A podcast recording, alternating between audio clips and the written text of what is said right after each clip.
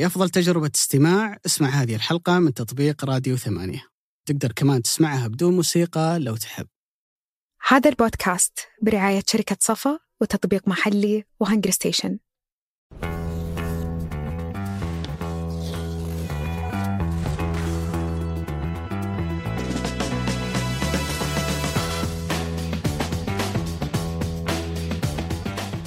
حياكم الله في حلقة جديدة من بودكاست مرتدة البودكاست الذي يأتيكم من ثمانية. تحدثنا في هذه الحلقة عن ملف استضافة السعودية لمونديال 2034 هل هذا الملف حسم ولا لسه باقي؟ تحدثنا برضو عن الصراع الإعلامي الذي شهده هذا الملف.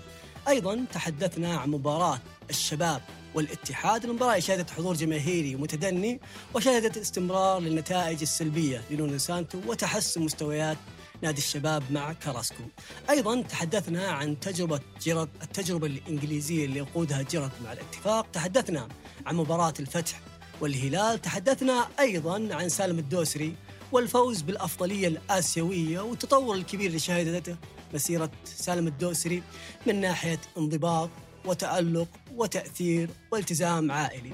أيضا تحدثنا عن النصر مع كاسترو عن الفوز الكبير اللي كان ضد الخليج عن رونالدو وتأثيره الكبير على النصر. أما الآن أحب أشكر رعاتنا شركة صفا وتطبيق محلي وأترككم مع الحلقة. صبحك الله بالخير يا أبو علي. صباح النور يا أبو علي. أهلا وسهلا. أهلا وسهلا فيك. اليوم شرفنا ضيف جديد لعله شوي يستمتع بأجواء الصباح أكثر من العادة يعني يقضيها دائم بمواقع ال- الإنجليزية ودائم الكلام عن عن الصخب اللي يحدث بعد. أو حدث بعد فوز السعودية باستضافة كأس العالم 20 34 حياك الله يا نواف. حياك الله بندر. حياك الله عبيد الله. وصباح الخير للساده المشاهدين والمستمعين. وان شاء الله نقدم حلقة ممتعة آه، تنول على ذاقتهم بإذن الله. شوف أنا أنا متعود إني أكون مع نواف في في استوديو تسجيل بودكاست بس في حاجتين متغيرة. يعني في اولا انه المرة دي هو جاي لملعبنا. يعني سابق كنت أسجل معه في بعد التسعين. آه والشيء الثاني انه فعليا يعني نواف اليوم هو نص نواف اللي كان ذيك الأيام يعني ما شاء الله تبارك الله آه فقد وزن كثير خلال الفترة الماضية فاول ما شفت حسيت إنه مرة متغير علي تخيل أنت. إيش تسوي أنت؟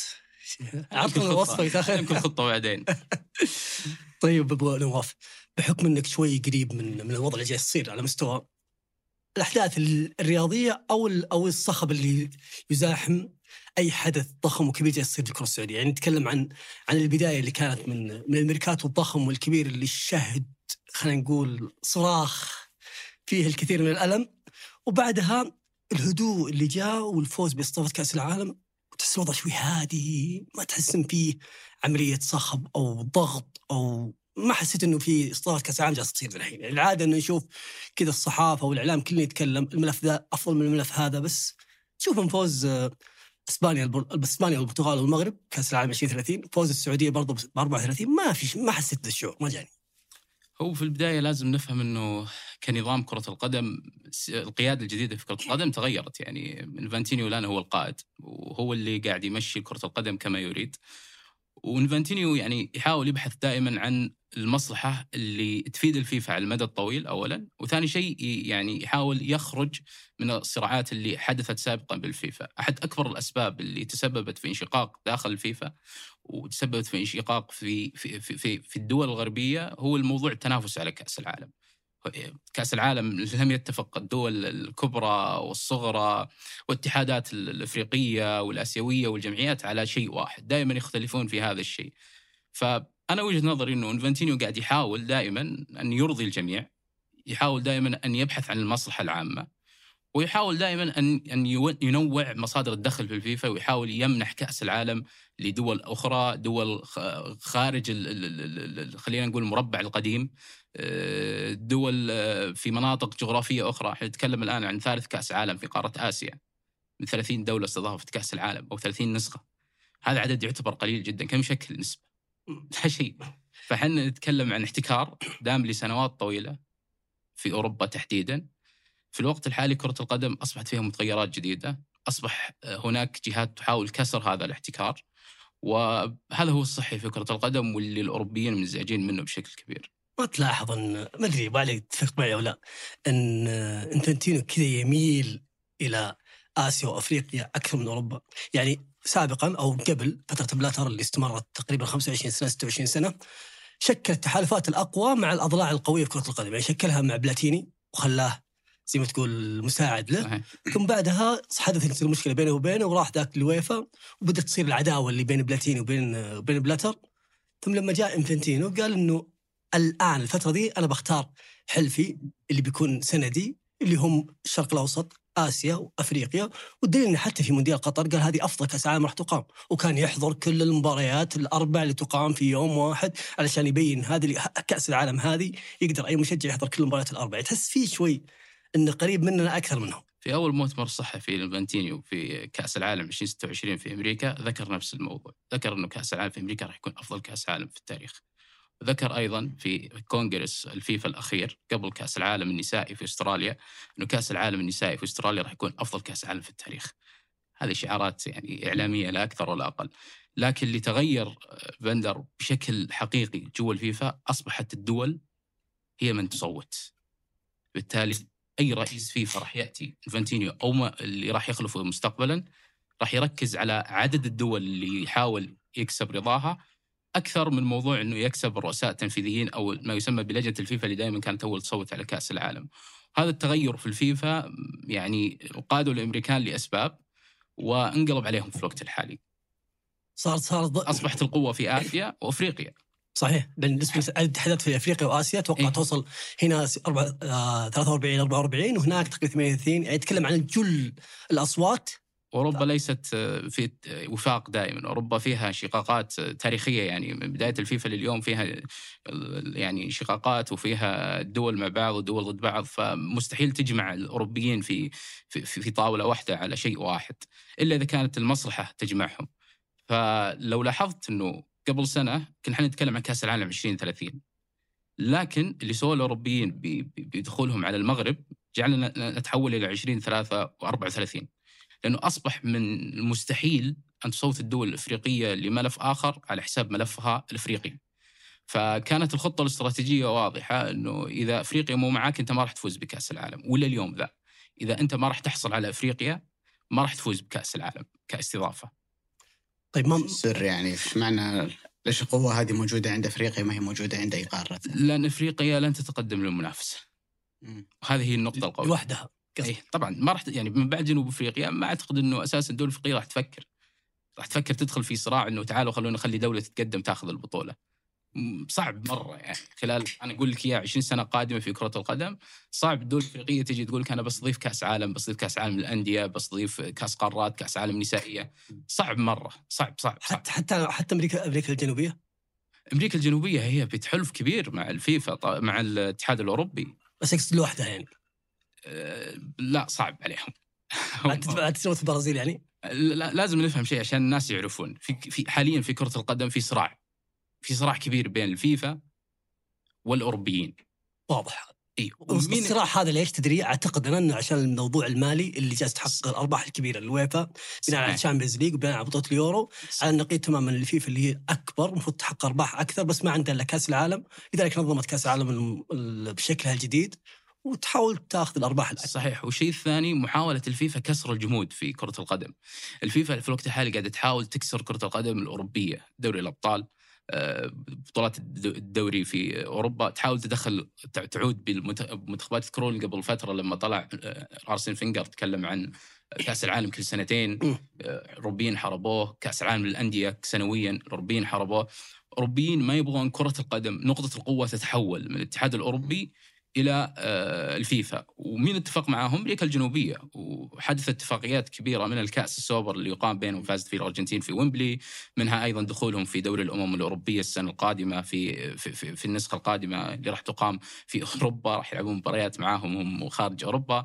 منها أيضا تصويتهم للملف. أمريكا الجنوبية لما كان وحيدا ثم انسحبوا ثم دخلت أوروبا فأعلنت أمريكا الجنوبية أنها راح تأخذ جولات افتتاحيه ففي بينهم توافق. هذا التوافق قاعد يخليهم يعيشون مرحلة صراع. آخرها آخرها لو لاحظتوا الخبر اللي طلع الأسبوع الماضي سيطرتهم على الكرة الذهبية وهي جائزة لها قيمتها التاريخية اللي نعرفها كلنا. ليش الاتحاد الأوروبي سيطر على هذه الجائزة؟ بدأ يعطي رمزية لهذه الجائزة الجديد. الفيفا اللي تخلى عن هذه الجائزة وصنع جائزة جديدة اسمها The Best يحاول يروج لها. الفيفا منع أي شخص مسؤول في الفيفا يذهب لجائزة الكرة الذهبية بدعوة رسمية أو غير دعوة رسمية. يمنع الأساطير في الفيفا الذهاب. باستثناء بيكهام طبعا حصل عليه استثناء بسبب آه، آه، ناديه طبعا اللي يملكه تتويج لاعبه ميسي فلحظة مستحيل فوتها بيكهام فهناك حرب في كرة القدم تدور حول السلطة. من يسيطر على المشهد في كرة القدم في السنوات القادمة؟ لا أعتقد إنه بالنسبة لنا إحنا اليوم كسعوديين عندنا مشروع جديد سواء على مستوى الدوري أو على مستوى حتى الاستضافات اللي راح تكون من كأس العالم 34 تكلم عن حتى أحداث قادمة. ليش لا؟ كأس عالم للانديه بنظامها الواسع وأكثر من بطولة أخرى. أعتقد إنه بيخدمنا إنه يكون عندنا علاقة جيدة مع مع ال- الفيفا. يمكن إحنا كسعوديين يهمنا بشكل كبير جدا موضوع كأس العالم 34 الناس على نهاية أكتوبر 31 أكتوبر قال لك انتهى الفترة اللي تستطيع من خلالها انه تقدم ملف. كان في كلام عن أستراليا عن إندونيسيا عن ماليزيا عن أكثر من دولة في آسيا واوقيانوسيا مر شهر أكتوبر ما في أي أحد ترشح إلا السعودية.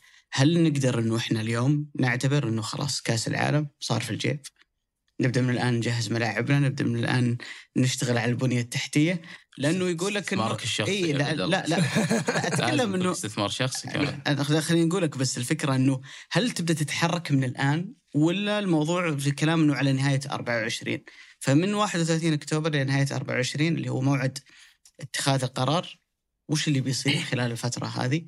وش هو خلينا نقول الجدول الزمني اللي راح نمر عليه؟ هل ممكن تدخل دولة ثانية ولا خلاص فات الأوان؟ اولا لازم نفهم إنه هذه حالة استثنائية اللي قاعد يصير في الوقت الحالي لأنه الكونغرس القادم في في في شهر مايو آه، في 2024 راح يكون. أول كونغرس في تاريخ الفيفا يتم التصويت خلاله على كأسين عالم مو كاس عالم واللي. صار في قطر في وهذا شيء-. لا في فرق في فرق كبير لأنه حق قطر تؤجل. كان مقرر في كونغرس سابق ولكن بسبب آه، يعني يقال يعني إنه أمريكا هي من تدخل في هذا الشيء عشان تكسب البطولة لكن فشلت في هذا الشيء. ولكن كتصويت في الكونغرس ما يتم بالنظام إلا كأس عالم واحد. حدث تعديل الكونغرس من فانتينيو وتم التعديل وراح يكون هذا أول كونغرس راح يتم تصويت فيه على الكأسين العالم. في مايو يعني بعد تقريبا سبع شهور من. بالضبط. ستة شهور سبع شهور. الآن لا يمكن أي دولة تدخل في السباق، خلاص السباق أقفل. أصبحت المملكة العربية السعودية هي الوحيدة الموجودة في هذا السباق. ليش الأوروبيين زعلانين؟ هل إحنا ضمننا طيب؟ بنسبة 95% صح لأن الباقي هي إجراءات 95%؟ روتينية. هي إجراءات روتينية. هي؟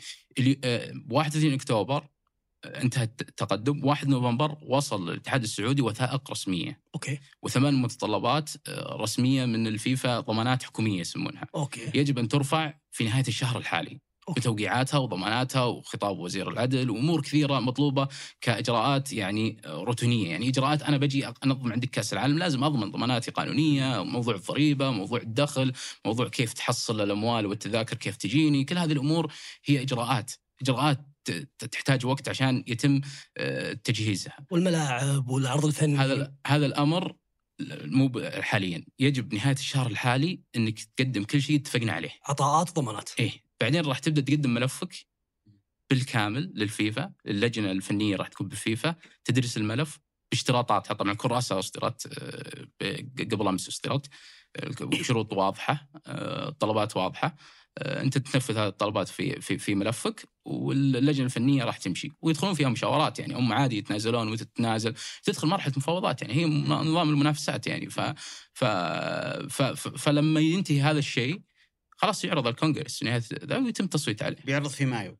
إيه طيب يعرض اللي يقال دائما إنه في الربع الأخير من 24 هو تقريبا يعني الربع الأخير في 24 الترسية نتكلم من بعد من بعد. الأوراق، الإجراءات الروتينية. مم. بعد الكونغرس ما في شيء آه، رسمي آخر.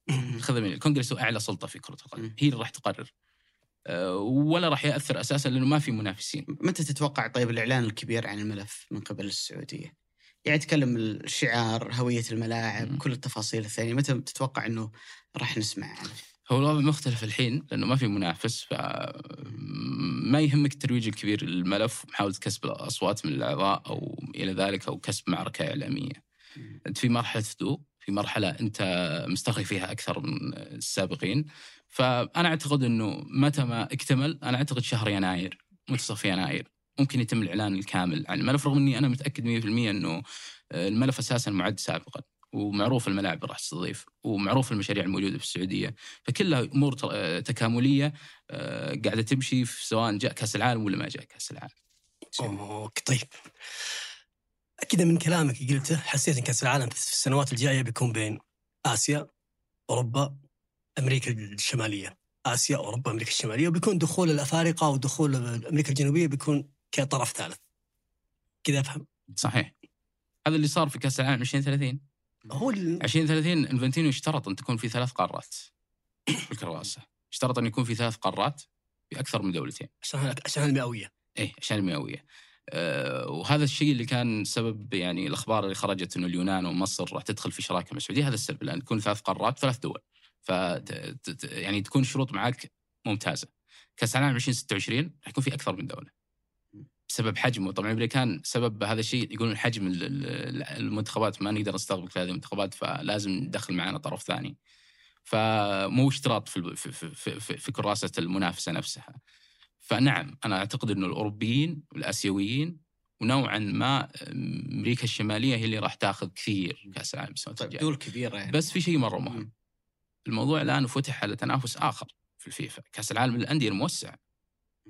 لا يربط في كأس العالم. 2030 كأس العالم 29 ما هو ما ما هو داخل في ما الموضوع هو البايلوت حق كأس العالم؟ لا لا لا نهائيا. حتى 2034 هذه منافسة أخرى مختلفة. راح يفتح لها باب ويدخل الناس بالتنافس يعني العادة مختلفة تماما. حتى أستراليا الآن تفكر أن تدخل تستضيف البطولة نفسها. أوكي العادة الموضوع مختلف في في القانون الجديد للفيفا اللي تعدل يعني. طيب بال... بالنظام اللي انت قاعد تتكلم عنه إنه سواء كأس العالم أو بهذه الطريقة، ليش ما صرنا نشوف الدول الكبيرة كرويا؟ نتكلم زي إنجلترا على سبيل المثال ما تدخل في في المنافسة، يمكن ألمانيا نظمت 2006 مر سنوات من 98 فرنسا ما دخلت، إيطاليا من عام 90 ما نظمت، موضوع له علاقة بالبنية التحتية ولا الموضوع إنه اليوم متطلبات الفيفا صارت أكبر فبالتالي ماليا مكلفة فبالتالي مو أي دولة، يعني لو كان وضعها الاقتصادي يعاني من مشاكل ما راح تقدر تمر. هي ماليا مكلفة سابقا وحاليا. إيه بس أعتقد إن. كل كل ما تمر البطوله وزيادة عدد. المنتخبات تحديدا من النسخة الجاية اللي هي 26 صارت مرهقة. صحيح لكن آه، يعني مثلا الإنجليز ترى كانوا ناويين يدخلون في منافسة على 2030 بس كان عندهم خوف في موضوع خسارة الملف مثل ما صار معاهم في 22 وال... طبعا فيها تحقيقات بال... بالبرلمان وصدرت أشياء كثيرة فيها بسبب هدر المال العام. بعطيك مثال أستراليا دخلت في منافسة 2022 صرفت 26 مليون باوند على صوت واحد بس. فالغرب شوي عندهم نظام صعب بالتمويل الحكومي فلما لازم تدخل في شيء شبه مضمون أو في امكانيه نجاح عالية. فما هم بالوقت الحالي مركزين على شيء بالإضافة إلى اليورو هم مركزون أكثر على اليورو باستضافات الوقت الحالي. أو أوفر؟ أوفر. واليورو صارت يعني أكبر شوي. اليورو صار كانت أول كم منتخب والان أصبحت كم ومستقبل راح تصير كم. فالأمر الآن يعني شوي تغير في نظرة الأوروبيين لكأس العالم تحديدا. يمكن آخر آه، سؤال في المحور هذا نواف. هو سؤال مهم جدا يعني. هل السعودية بتقدر تنظم لوحدها كأس العالم؟ أتوقع كلنا كلنا الجواب اللي نعرفه واللي نعيشه اليوم من واقع الحياة اللي إحنا قاعدين نشوفها والمشاريع كل الأشياء الموجودة إنه إيه بس التحدي إنك أنت بعد نسخة تنظمها ثلاث منتخب دول في 26 ثلاث دول مع ثلاث دول أخرى في أمريكا الجنوبية في 30 إنك أنت تكون أول دولة تنظم كأس العالم بهذا العدد من المنتخبات لوحدك وهذه نقطة يمكن صار عليها كلام في ال- الفترة الماضية إنه تقدر السعودية ولا ما تقدر أنت إيش رأيك في الموضوع هذا؟ هو تحدي صعب مم. يعني الإنكار هذا الشيء يعني يعتبر جهل هو تحدي صعب مم. ولكن آه، إذا أنت استعديت صح مم. وإذا طبقت اشتراطات الاشتراطات آه، بالفيفا واضحة يعني مثلا الفيفا طالب 72 ملعب تدريب طيب اللي. يشاركون في البطولة 48 منتخب ليش 72 مم. في شيء اسمه احتياطي في شيء للحكام في شيء للتصوير للميديا ومن الميديا ففي طلبات للفيفا. إذا أنت طبقتها وضعك أوكي عدد الفنادق عدد الغرف في كل مدينة. يعني يعني مثلا في في منطقة المشجعين الفيفا تقدر إنه الم- المدينة اللي راح تستضيف النهائي ترى راح يكون في منطقة المشجعين من 128 ألف إلى 200 ألف مشجع. أنت لازم تستعد لمنطقة المشجعين هذا ال average اللي المدن الأخرى ترى من 28 إلى 40 ألف. إذا بتحط منطقه مشجعين طبعا هو لازم تحط منطقه مشجعين فالفيفا معطيك توقعات وتقديرات والأولية. هذه التوقعات والتقديرات تتغير مع الوقت. ما هي ثابتة. فموضوع في تحدي اللي يقول ما هو ما هو صعب. هذه جهالة. نعم موضوع صعب. ولكن أنا أعتقد إنه إحنا. قادرين وبقوة انه. نتجاوزها وبنجاح وزي ما قال رئيس الفيفا راح يكون أفضل كأس عالم في التاريخ. الجماليات المعمارية مهمة. بس جودة البناء أهم وحداثة التصاميم مهمة لكن الخدمات والمرافق أهم. المهم والأهم مضمون. تملك المستقبل مع وحدات شركة صفاء للاستثمار. أعرف أكثر من الرابط في وصف الحلقة. كشفت حرب غزة حاجتنا لخدمة إخبارية موثوقة خصوصا مع انتشار الشائعات والأخبار المزيفة. فصحيفة الشرق الأوسط تقدم عبر منصاتها تغطيات حية لكل جديد وتحليلات عميقة وآراء متخصصة. عشان تعرف آخر الأخبار من مصدر موثوق تابع الشرق الأوسط صحيفة العرب الأولى. أتذكر حسن الدوادي الأمين العام للجنه الخاصة للمشاريع والإرث في قطر طلع مع سقراط وتكلم قال إنه العرض الفني اللي كان لنا 12 ملعب وإنه اللي قدمناه ثمان ملاعب. فعلا كانت كافية وكانت خطة الشغلية جدا منافسة. ولو كنت في كأس العالم وقتها بتشوف إنه اليوم هذا يلعب الجروبين الملاعب جروبين اليوم هذا يلعب في جروب واليوم الثاني يلعب في ال group الثاني علشان الملاعب تكون بعيده من بعض. ال group هذا يكون ملعب في الشمال ملعب في الجنوب ملعب في الوسط ملعب في ال... فعشان تكون حركة الجماهير تنقلهم سلس بحيث ما تكون منطقة معينة في مكان معين مزدحمة مع دخول خروج مشجعين من ملعب ثاني. نفس الس... على نفس هذا السياق قاعد نتكلم إحنا عن عن دائما ما كان كأس العالم يا نواف هو ال... هو ال... هي الضربة القاسية لأي رئيس فيفا يعني هافيلانج مرت فيه كثير من العثرات واللي أدت إلى أنه آه، يستقيل من منصبه بسبب كأس العالم أو اسطوره كأس العالم. بلاتر لما أعطى كأس العالم 18 لقوة عظمى مثل روسيا كان المفروض على كلام الغرب أنه يعطيه 2022 لقوة عظمى أخرى مثل أمريكا. صحيح. فلما اتجه ال- المونديال من قارة إلى قارة شوي صنع تأثير وتكلم قبل عن عن الأعضاء الفيفا هم اللي يصوتون يعني 13 واحد. أنت تحتاج تتكلم بس 13 واحد تقنع 13 واحد أه تقنع قاراتهم إنك إنك بت- بتطور أشياء كثيرة على مستوى البنية التحتية عندكم بقدم كأس عالم مميزة بساعد جمهوركم في الحضور إلى آخره. 13 شخص. أنت الآن محتاج تقنع 211 اتحاد قاري يعني الموضوع ترى مو سهل. صحيح. هو هو هذا النظام اللي تغير هذا هو اللعبة الجديدة في الفيفا زي ما قلنا في البداية. سابقا الرؤساء كانوا يركزون على الأعضاء والدول المؤثرة في كرة القدم لأنها هي اللي ممكن تخلق رأي عام. لكن في الوقت الحالي الموضوع أصبح مختلف. دولة من أصغر دول العالم قادر أن يكون تأثيرها مثل تأثير أكبر دولة في العالم في التصويت. هذا الشيء يعطي الرؤساء آه، ميلان أكبر للجانب الآسيوي والجانب الإفريقي. والصراحة يعني خلينا نكون معك صريح. يعني خلي صريح من زمان إحنا إحنا في الفترة الأخيرة آه، نشاطنا في الرياضة كبير جدا آه، سواء كرة القدم وغير كرة القدم. يعني الجامعة ال- ال- الدنماركية للابحاث الرياضية صدرت آه، بحث الأسبوع الماضي عن رعايات كرة القدم. المملكة العربية السعودية في كل الرياضات 312 رعاية. 21 رعاية. بالضبط. فأنت تتكلم عن رقم كبير في الرعايات، الرعايات تؤثر. تؤثر. وبقوة يعني. في النهاية أنا كرئيس فيفا أو كنت ك... ك... ك... كدولة يهمني مصالحي. أنا أبحث عن مصالحي دائما. فأنت تبحث أيضا عن مصالحك. فهي مصلحة متبادلة. أنت عطني صوت وأنا أعطيك اللي تبغى. تعال ندخل في مشاريع ندخل في هذه الأمور. وهذا هذا هو الهدف أصلا من الاستثمارات اللي قاعدين نسويها. الحقيقة بندر اللي يحاول الغرب عدم تصديقها إنه المملكة العربية السعودية الآن أصبحت قوة كبرى في الرياضه. لا يمكن أن أن- لا يمكن تتخيل أن السعودية تمر مرور الكرام في أي ملف رياضي، كرة القدم وغير كرة القدم.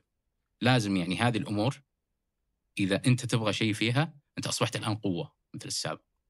مثل الدول. الكبرى العظمى الأخرى في كرة القدم تحديدا. فهذا الشيء ما جاء يعني بيوم وليلة وما جاء يعني آه، يعني بدون عمل. لا العمل نتكلم إحنا من 2017 بدأ هذا العمل بدأت الترتيبات بدأت الأمور الداخلية بترتيبها في الرياضة. نتكلم عن انف- انفتاح أكبر في موضوع الاستثمار في كرة القدم شراء نادي نيوكاسل آه، الجولف واللي صار فيها. أيضا رعاية مجلس ال- ال- الكريكت فإحنا نتكلم عن عن عن دخول قوي في الرياضة. وهذا الشيء قاعد يساعدنا في في في موضوع حصولنا على اللي نبغاه لما يكون مناسب بالنسبة لنا. هذا الشيء ما يبغى ترى الغرب الغرب ما يبغى يطرح وجهة النظر هذه لل- لل- للناس اللي هناك، الغرب يبغى يطرح وجهة نظر أخرى. بيطرح وجهة نظر إنه آه، هذه دولة ضد حقوق الإنسان ضد ضد ضد و و من وحديثه آخر بكرة القدم وما عنده حضور. جماهيري قوي ولا عنده يحاول- شغف يحاولون يركزون على نق- النقاط هذه وهم أصلا عندهم نفس السلبيات لو نتكلم عن السلبيات موجود عندهم هذه السلبيات فهم يحاولون يعني يخلون يشكلون رأي عام ضد ضد المملكة العربية السعودية لكن آه، أصبح الوعي أكبر وقت الحالي. آه، الوسائل أصبحت آه، أقرب للجميع العالم أصبح كقرية. وهذا الشيء قاعد يساعدنا كثير بالوعي يعني نشوف إحنا الحين في تويتر يعني أشياء كثيرة يعني من المغردين يوضحون لصحفيين كبار في التايمز ونيويورك والتلغراف وصحف كبرى يعني يتم التوضيح لهم المغردين في حي يعني القدس ولا حي الروضه في الرياض. فترى هذه الأمور ترى هذه الأمور آه، يعني هم مستحيل. مستحيل يتقبلونها. وإلى الآن هم غير متقبلين فكرة إنه المملكة العربية السعودية تكون من القوى المؤثرة في كرة القدم أو الرياضات الأخرى. طيب في الجولة العشر لعبة قمة الجولة. تقريبا مباراتين كانت تقريبا يعني يتكلم عن الهلال اتفاق الفتح والهلال والشباب و... والاتحاد وكانت تقريبا آه، يعني مباراة ما كانت ممتعة للأشخاص اللي يحبون يشوفون أهداف كثيرة صحيح. آه، خلينا نقول فرص آه، الجو العام حق المباراة كان شوي تحس إن الفريقين متوترين ما في فريق يبغى يخسر في نفس الوقت المباراة كانت مملة على الصعيد الأهداف والسكور. يمكن ما- كانت مباراة مثيرة كذا مليانة أهداف وفعاليات لكن على الجانب التكتيكي من المباريات صراحة اللي كذا وأنت تتابع تستمتع فيها لأنه في أفكار واضحة كانت من المدربين. خلصت 1-0 يمكن استمرار لمعاناة الاتحاد مع التسجيل في الدوري.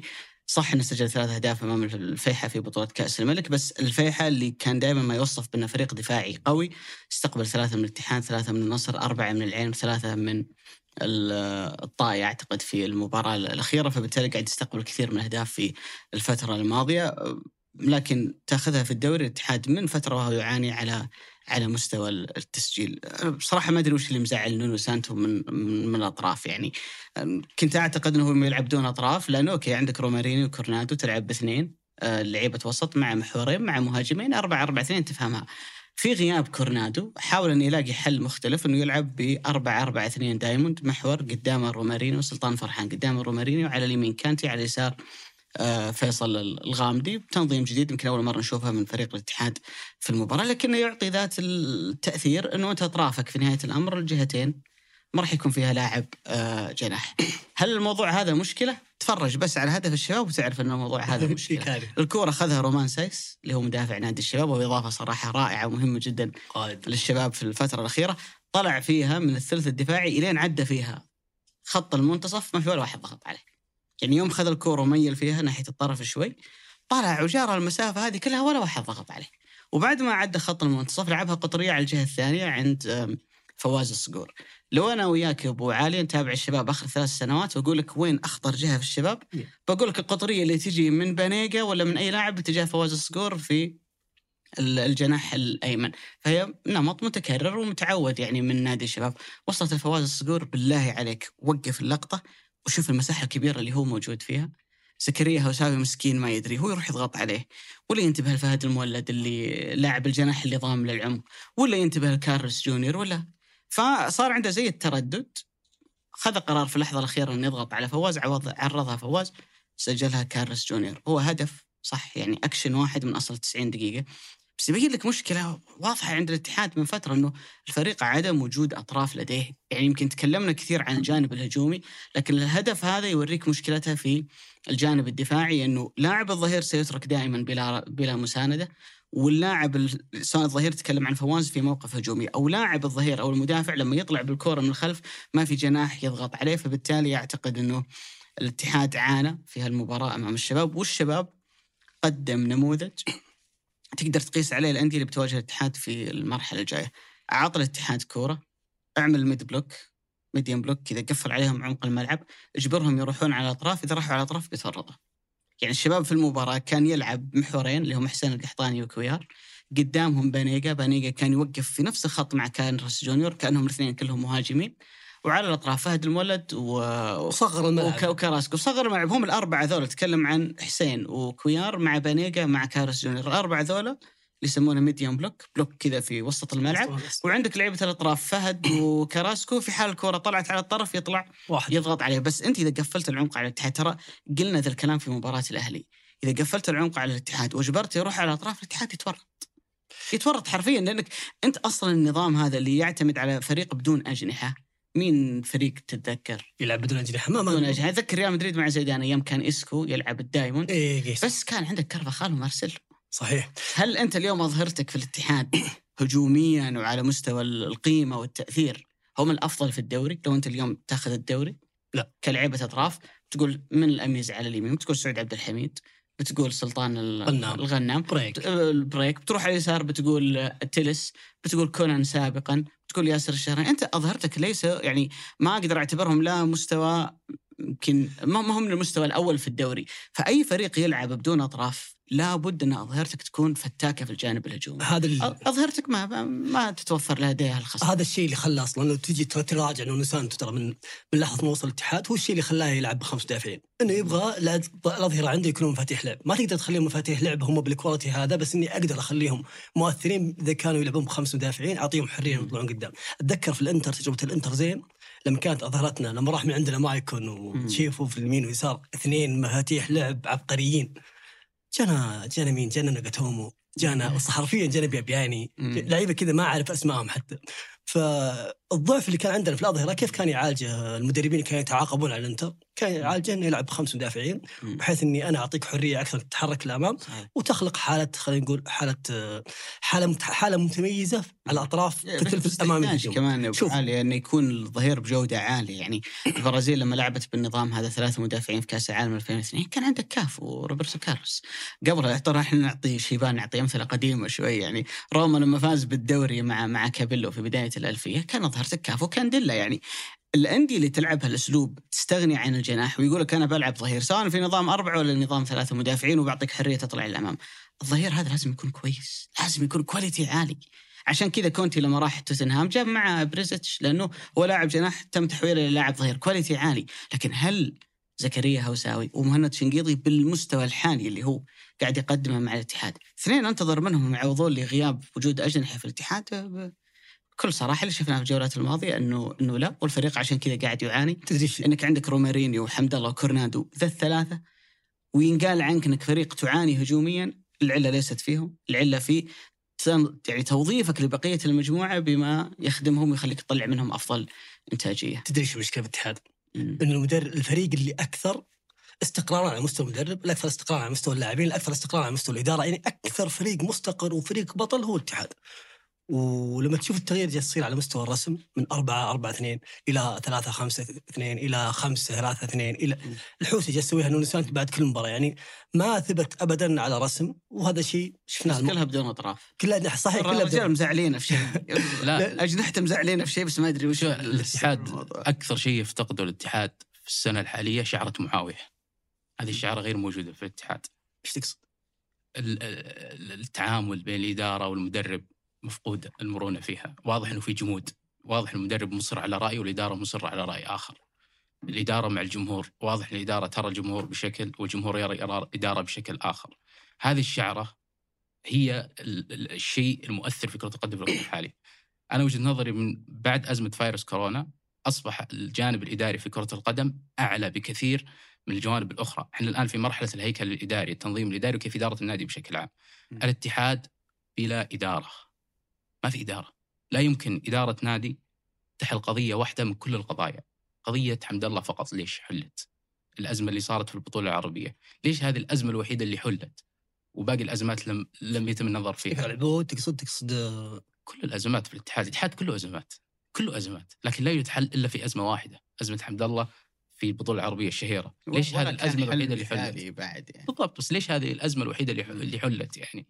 الاتحاد في مرونة مفقودة في كل الأطراف، مرونة معدومة في الاتحاد، معدومة واضح. سانتو هل هو لهالدرجة زي كذا هو سلطوي يعني بحكم إنه بال Premier League يعني. نوعا ما ص- نع- نعم لكن واضح إن نونو ماخذ موقف، موقف آه، قوي. ويصر على شيء والإدارة تصر على شيء آخر. أنا مست... احسك شايف شيء بس ما تدري تقوله. لا. موضوع؟ موضوع إنه يلعب بدون أجنحة هذه هذه أنا ما تخيلتها في حياتي إني أشوفها من نونو أساسا. يعني يعني ممكن كلنا من السعوديين النادرين اللي تابع نونو سانتو في ال Championship في البدايات. قول. بعدين في ولفرهامبتون كل أن- كل الفرق اللي صنعها في ولفرهامبتون في كل سنة من سنواته لازم يكون عنده جناحين ثلاث أجنحة. هذه السنة الوحيدة اللي ما عنده ليش؟ طالع من تحت يديه صح؟ جوتا تراوري تراوري مين كمان؟ تكلم عن آه، بودينس في مرحلته الأخيرة مم. تكلم عن آه، هيلدر كوستا. دائما كان ولفرهامبتون غني بالأطراف. حتى حتى الأظهرة كانت عنده أفضل بكثير. تكلم عن دهورتي تك- هو أساسا هذه اعتماد المدرب في الملعب. ليش السنة هذه الأمور تغيرت؟ هذا السؤال الأهم. ليش الجانب هو ترى من الاداري العام يجيب جناح ولا يلاعب، العام جاب هيلدر كوستا وكان دائما هو يلعب سبعة وهو الثامن اللي اللي اللي على الدكة. بسبب النظام. فعرفت اللي تشتري شيء بس بعدين كذا تحس إنك لا ما تبيه وتخليه على هو. إعارة وبسبب النظام يعني أنت لازم تستبعد لاعب في النهاية. لما الفريق يمشي صح إيه، بس مدخل لو- لاعب. لو مقتنع فيه ليش. معنى هو؟ يعني كان اللي دائما يستبعد. يعني كان هو دائما هو الجناح اللي يستبعد. يعني صحيح. حتى حتى أدوار العبود اتذكر الموسم الماضي. كان لاعب طرف بس يدخل العمق ويكون هو اللي يركض في المساحة الكبيره يتركها المنافسين. فتحس إن الح- الحالة بالنسبة لي بشكل عام غريبة جدا من أغرب الحالات اللي مرت في الكرة السعودية. طيب شوف. وفي عدم وضوح في الجوانب الاتصالية. الناس ما. بقول شيء عن الحديث يمكن أكثر عن الاتحاد عن عن الشباب. ترى ما كان ابدا أمر سهل إنك تلعب قدام الفتح 120 دقيقة وبعدها تقريبا ب 72 ساعة تلعب ضد ال- الاتحاد، أوكي المباراة هي الاتحاد الشباب هو المضيف والاتحاد هو الفريق اللي الأوي اللي جايك من برا بس فعليا ترى الصورة كانت معكوسة.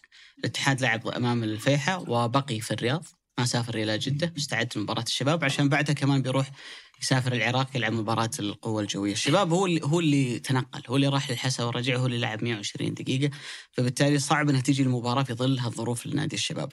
اللي شفته في المباراتين أمام الفتح وأمام الاتحاد ان في تغيير مهم جدا قاعد يصير في الشباب قاعد يسويه ايجور آه، بيسكان آه، كنت أقول لأبو علي في حلقة ماضية إني يوم شفت الوجه حسيت إنه مألوف بالنسبة لي. بعدين ذكرت إن خوينا اللي كان اللي كان يلعب آه، في ليفربول. فهو سوى تغيير مهم جدا صراحة في الشباب في الفترة الأخيرة لأنه مباراة الفتح كان أمر غير مألوف إنك تأخذ بنيكا وتجلس على دكة البدلاء في مباراة بهذه القيمة لأنه الشباب قياسا بوضعه في الدوري بطولة كأس الملك يعني هدف مهم جدا بالنسبة لهم. لكن لما شفت مباراة الاتحاد عرفت إيش جالس دكة في مباراة الفتح. الرجل واضح إنه يشتغل على إن الفريق هذا لابد إنه بدنيا يكون قوي لابد إنه يكون ملتزم. لابد إنه يلعب. اللي شفت اللي شاف مباراة الاتحاد كيف الفريق يلعب ككتلة واحدة. صحيح. كيف المسافة ما بين آخر مدافع وأعلى مهاجم ممكن ما تتجاوز 25 30 متر. إلى 30 متر. الفريق مرة compact يلعب كذا دائما قريب من بعض. فبالتالي لما تشوف هالتنظيم هذا مدرب واضح إنه يشتغل بشكل كبير جدا على الجوانب البدنية. ما راح يلعب معاه إلا اللاعب اللي بدنيا جاهز اللي عنده استعداد إنه يضحي. لما لاعب بقيمة كراسكو في مباراة من هالنوع تقول أنا ما راح ألعبك قدام مع كارلوس جونيور. وتكون أنت آخر نقطة بالنسبة لي. لا بلعبك طرف. ترى شغلتك تلاحق مهند شنقيطي. لما يهاجم ترجع مع لاعب الظهير وتاخذ الخط من نهايته. إلى أعلى نقطة فيه كلاعب جناح. تقنع اللاعب بهالادوار وتقنع بانيجا إنك أنت في مباراة زي الفتح ممكن ما أحتاجك. مباراة ثانية بلعبك في مركز جديد عليك. ما راح تكون متأخر تلعب قريب من المدافعين. لا أنا أحتاجك في منطقة متقدمة ويتقبلون اللاعبين هالشيء. هذا يدلك إن في بصمة واضحة للمدرب على الفريق. المهمة صعبة الفوارق ما بين الشباب وبقية الأندية الأربعة اللي أعلى منها كإمكانيات واضحة وما تقدر أنك أنت تنكرها. فبالتالي عشان أنت تقدر أنك تعيش وسط هالمنافسة تحتاج أن فريقك لابد أنه يكون على الأقل قوي في جانب. الجانب هذا حاليا في نادي الشباب واضح اللي قاعد يشتغل عليه المدرب هو الجانب البدني قدم مباراتين رائعة عدى اختبارين صعبة جدا الفتح في الحسب باكتمال عناصره لأنه من بعد ذيك المباراة أصيب آه، مراد آه، باتنا. وإنك تواجه الاتحاد، الاتحاد اللي ما يحتمل فقد يعني مزيد من النقاط. أعتقد إنه مباراتين صعبه لكنه قدر إنه يتجاوزها وحط له بصمة في الفريق، المدرب اللي يقدر إنه يقعد بنيقة دكة في مباراة زي مباراة الفتح واللي يقنع الفريق إنه يلعب هالشكل قدام الاتحاد ما اعطيك مباراة مفتوحة، ما اعطيك مباراة ممتعة، بصعب المباراة عليك وبخنقك بس باخذ اللي يبغاه نتيجة المباراة، هذا مدرب واضح إنه عنده أفكار جاي يطبقها صحيح. وواضح إن اللعيبة في استجابة جيدة منهم تجاهها. تشعر إن يحموهم في حالة بدنية جيدة أم، ما أحس إني يركض زي قبل يعني أنا. حضرت خلاص حضرت. المباراة الأخيرة تحس إن اللاعب حتى. حتى الشغف اللعب تحس إنه قل عنده. ولكن في شخص ثاني كذا جاء من من الخلف على قولتهم كراسكو اللي قاعد يسويه كراسكو في الشباب لاعب يسجل فاولات يسجل ركنيات. يسجل بالراس. يسجل بالرجل قدم فنان، قوية control حلو. كل شيء. يعني لاعب أقدر أقول لك مكتمل الأركان يعني. قوي بدنيا يأخذ الكرة الطولية سريع مهاري. في نفس الوقت ترى ترى سيميوني رجعت كذا أتذكر وين كان يلعبه. غير إنه لاعبه جناح أو ظهير ايسر. ترى لاعبه محور. لاعب صانع لعب لاعب مهاجم ثاني ما خلى مكان لعب ما في سيميوني يعني حاسه حوس بأمانة هو لما جاء انت كذا اللحظة اللي لسه كراسكو ما لعب فيها أول مباراة مع الشباب. بقول لك صنف لي كراسكو من بين فئة لاعبي الدوري اغلبنا ما راح يحطها فئة اي أكيد. بيقول لك والله فئة اي ماني. ولا بي حتى. آه تاليسكا شفت زي مالكم يعني جاء كذا وتحس إنه في شكوك ناحيته. بدأ الموسم مع الشباب انفجر. يعني الفريق الآن في كأس الملك. معدي مباراتين مسجل فيها أربع اهداف هو اللي مسجلها الأربعة كلها. والرجال يسجل فاولات يسجل ركنيات. وبكل الأشكال اللي أنت تحب إنك أنت تشوف فيها فصراحه إضافة وصل الشباب في حالة غير. مرعبة للشباب. وصل الشباب في حالة غير مثاليه ترى أنت لما تكون لاعب مم. وتوصل في حالة غير مثالية مثل اللي صاير في الشباب لحظة بداية الموسم يعني التوتر اللي صاير على مستوى الإدارة، التوتر اللي صاير على مستوى الجماهيري، التوتر اللي صاير على مستوى النتائج. وأنت تكون الشخص الجديد اللي فعلا تصنع التغيير ترى هذا ابدا مو شيء لو والله رازقهم بس مهاجم زين معه كان كان كان. امورهم طيبه اختلفت الشباب. لكن أعتقد أبو علي أنت قلت إنك حضرت المباراة. ونواف حضر المباراة. كانت يوم جمعة صح؟ لا أنا ما حضرت. هو يقول آه، ما حضرت، هو, يقول لي ليش ما حضرت؟ أوكي. اي فكانت المباراة يوم يوم جمعة أعتقد. اي كان توقيتها 9 مساء يعني. يمكن الوقت اللي أغلب الناس قاعدين ببيوتهم استراحاتهم حاطين التلفزيون وقاعدين يتابعون. بس ملعب بهذا الحجم. يمكن قلنا هذا الكلام أنا أبو علي في حلقة سابقة إنه لما يصير الملعب كبير لو يحضر 10000 15000 بس المقاعد الفارغة أكبر هذه دعاية سلبية لك ولدوريك وللمنتج بشكل عام. آه، أنت كنت موجود في الملعب. أنت أكيد مثبتينها عليك كنت موجود في الملعب. كيف تصف التجربة تجربة حضور الجمهور؟ الصراحة بالمنطق إحنا نعيش أزمة. لما تعترف في أخطائك تبدأ تصحح من هذه النقطة. لما تقول لا هذه ما هي أخطاء ما هي أشياء سلبية عندنا في الدوري أنت انت متقدم انت رايح ال- الليفل الاعلى عندنا أزمة كبرى في الكرة السعودية هي أزمة حضور الجماهيري ملعب صغير ملعب كبير ملعب متوسط مباراة مهمة مباراة غير مهمة. أزمة الجمهور موجودة. نعم في مباريات شاهدنا فيها 80 85 60 70 شفنا. بس بشكل عام الدوري يعيش أزمة حضور جماهيري. ليه؟ ال- البيئة بندر. البيئة ما هي مناسبة للجمهور. البيئة الملاعب نفسها ما هي مهيئة بشكل مثالي إني أحضر، أنا لما أحضر راح أتعب كثير. أه، صح إنها يعني تطورت عن السابق الوقت اللي إحنا كنا موجودين فيه من ناحية الأكل والشرب وموضوع شراء التذاكر، أول كنا نروح قبل المباراة بيوم نشتري تذكرة، الآن أنت في البيت، الأمور تغيرت كثير بالوقت الحالي، يحسب لهم هذا الشيء، لكن هل وصلت لمرحلة مثالية؟ لا. وما راح تصل لمرحلة مثالية بدون بنية تحتية، تكلم عن مدينة مثل الرياض آه، متى آخر ملعب بني فيها؟ تكلم عن إيه. قبل لولا اي تتكلم عن مدة زمنية طويلة انديه مثل الهلال النصر الاتحاد الأهلي ما عندها ملاعب خاصة تقدر تدير الملاعب تعطي تجربة مختلفة للجماهير. فإحنا نتكلم عن عن أزمة ما راح تنحل بيوم وليلة. هذا لازم شيء نتقبله. موضوع ما راح نقوم بكرة من النوم بنحضر كل بنشوف كل المباريات كل الملاعب فل. هذا ما راح نشوفها. مستحيل في يوم وليلة تصير. نحتاج وقت نحتاج البنية التحتية الجديدة تجي آه، ال- ال- الإيفنتات تزيد في المباريات. نصنع يوم مباراة يوم المباراة يعني في في إنجلترا في إسبانيا في إيطاليا يبدأ من الصباح بدري. فعلى سبيل المثال تجربة القدية الجديدة راح تكون من التجارب المثيرة جدا في عالم كرة القدم. أنت رايح لمدينة ترفيهية وراح تحضر مباراة. يعني انت يوم كامل ممكن تقضيه في مكان واحد. بالضبط وفي المترو 23 دقيقة بالسيارة تاخذ ممكن ساعة عائلتك ونص. معك هم يلعبون وانت تروح. بالضبط هي هي راح تكون تجربة مختلفة واستثنائية كمان على مستوى العالم مو بس على مستوى كرة القدم السعودية. فإحنا نتكلم عن البيئة نفسها ما هي مهيئة إنه تجذب الناس. أنا ليش أحضر مباراة عشان أقعد خمس ست ساعات آه، على بال ما أدخل أشوف المباراة على بال ما أطلع كل شيء صعب كل فالجمهور بالنهاية يبحث أيضا عن منطقة الراحة. طيب هذه المنطقة مهمة ترى للمشجع.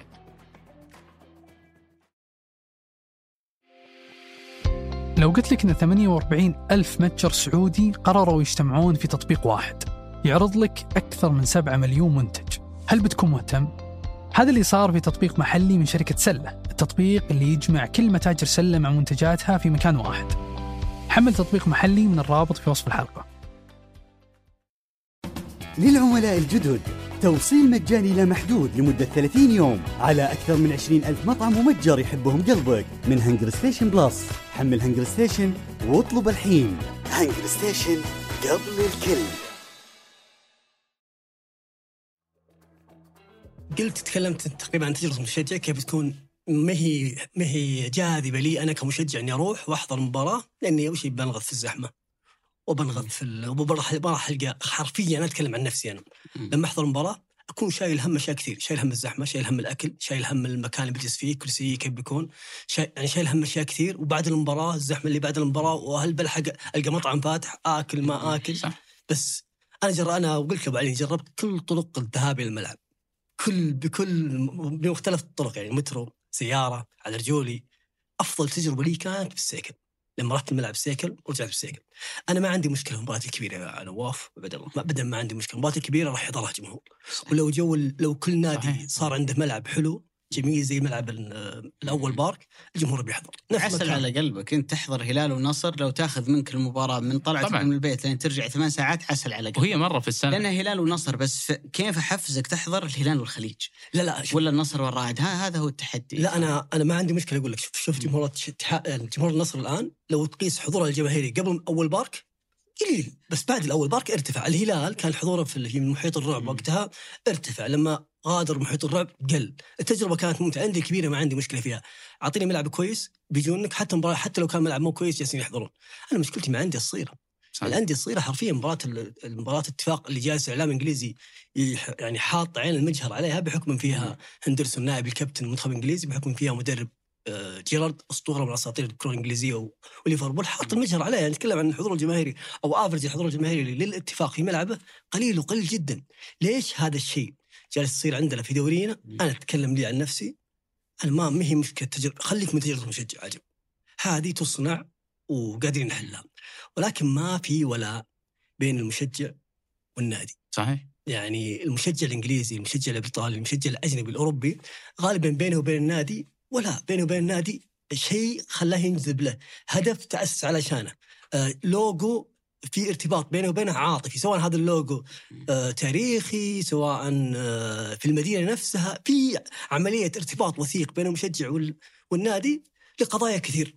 ويتكون منها اللوجو، أنت شوف شعارات انديه يعني. بس أحيانا أبو علي فيها رمزية يعني يمكن قلت الاهلي الاهلي لا ترى الاهلي ترى شعارهم حاطين فيه أسد يعني. فهي أسد إيه. لا الحين جبت لي مشكلة. أسد في جدة. لا أبو علي هي ممكن تكون رمزية يعني مثلا زي مانشستر سيتي إنه شعار سفينة يعني وش ممكن الرابط ال- الوثيق اللي بيكون بيني وبين السفينة اللي موجودة في شعار المدينة كبير ال- ال- ال- في- مدينة مانشستر السفن شيء عظيم. لا أنا أنا عارف كانت قبل. لا لا كمشجع كمشجع ممكن حتى من خارج. يعني بريطانيا. أنا ما ممكن في حياتي ما رحت مانشستر ولا أعرف أصلا هي مدينة ساحلية ولا ما هي ساحلية. أحيانا النج- النجوم أبو علي وال... والقيمة الأسماء اللي موجودة هي اللي ممكن تجذبك. لكن أتفق معك في نقطة أنه ترى غالبا إحنا نرتبط بالأندية بقصة. واحد يحب النادي لأنه هو صغير شرى ولا واحد أهداه تيشيرت النادي هذا. لاعب. فريق ذا كنت تلعب فيه في البلاي ستيشن كويس فكنت تفوز فيه فنشأت انك انت طالما ألعب فيهم أبغى أشوفهم في التلفزيون فبالتالي ممكن يصير عندك نوع من ال ال الاهتمام فيهم. والوراثة أيضا. لا أنا لا, لا, أنا أنظر- انظر أنا أنظر إلى أن الوراثة سبب. رئيسي في تشجيع لكره نواف القدم أنا احاول بنسبة كبيرة يعني. احاول أخلي الوراثة على جنب لأنه هذا عامل أنت ما تقدر صحيح. تتحكم فيه. صحيح. ما تقدر تتحكم. وللأسف يعني يمكن غالبنا ورثه هذا الشيء لكن الشيء اللي أنت تقدر تتحكم فيه إنك تخلي النادي جاذب. يعني تخيل مثلا اليوم الاتفاق على سبيل المثال. لو مثلا هندرسون يروح كذا يلتقي بمجموعة آه، أطفال يوقع لهم على. تيشيرتات.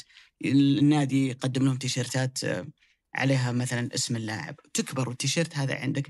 أنت ممكن ما تكون اليوم يعني عنصر فاعل كمشجع لأنك لسه صغير ما تقدر تروح تشتري تذكرة وكذا. بس بعد كم سنة صحيح. هذا بيكون قاعدة جماهيرية. هل مع فارق يعني هو أكيد إنه نجم عظيم جدا.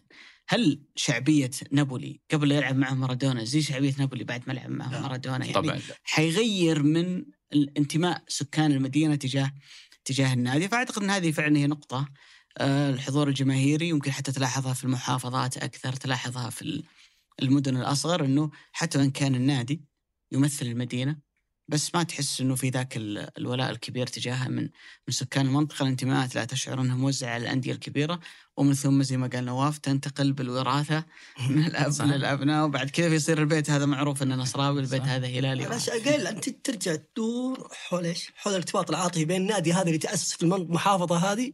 وبين السكان اللي في المحافظة، لو كان بينه وبين النادي ارتباط عاطفي حدث تاريخي شيء مس- يستند عليه أو حتى النادي يقدم العطاءات لهذه المنطقة الجغرافية أو ال- أو المدينة هذه الصغيرة كان تلقى الولاء قوي. ويحضرون كل مباراة أنا حاضر أنا وخالد مباراتين مين واتفورد واتفورد السيتي. الملعب كامل فل صحيح.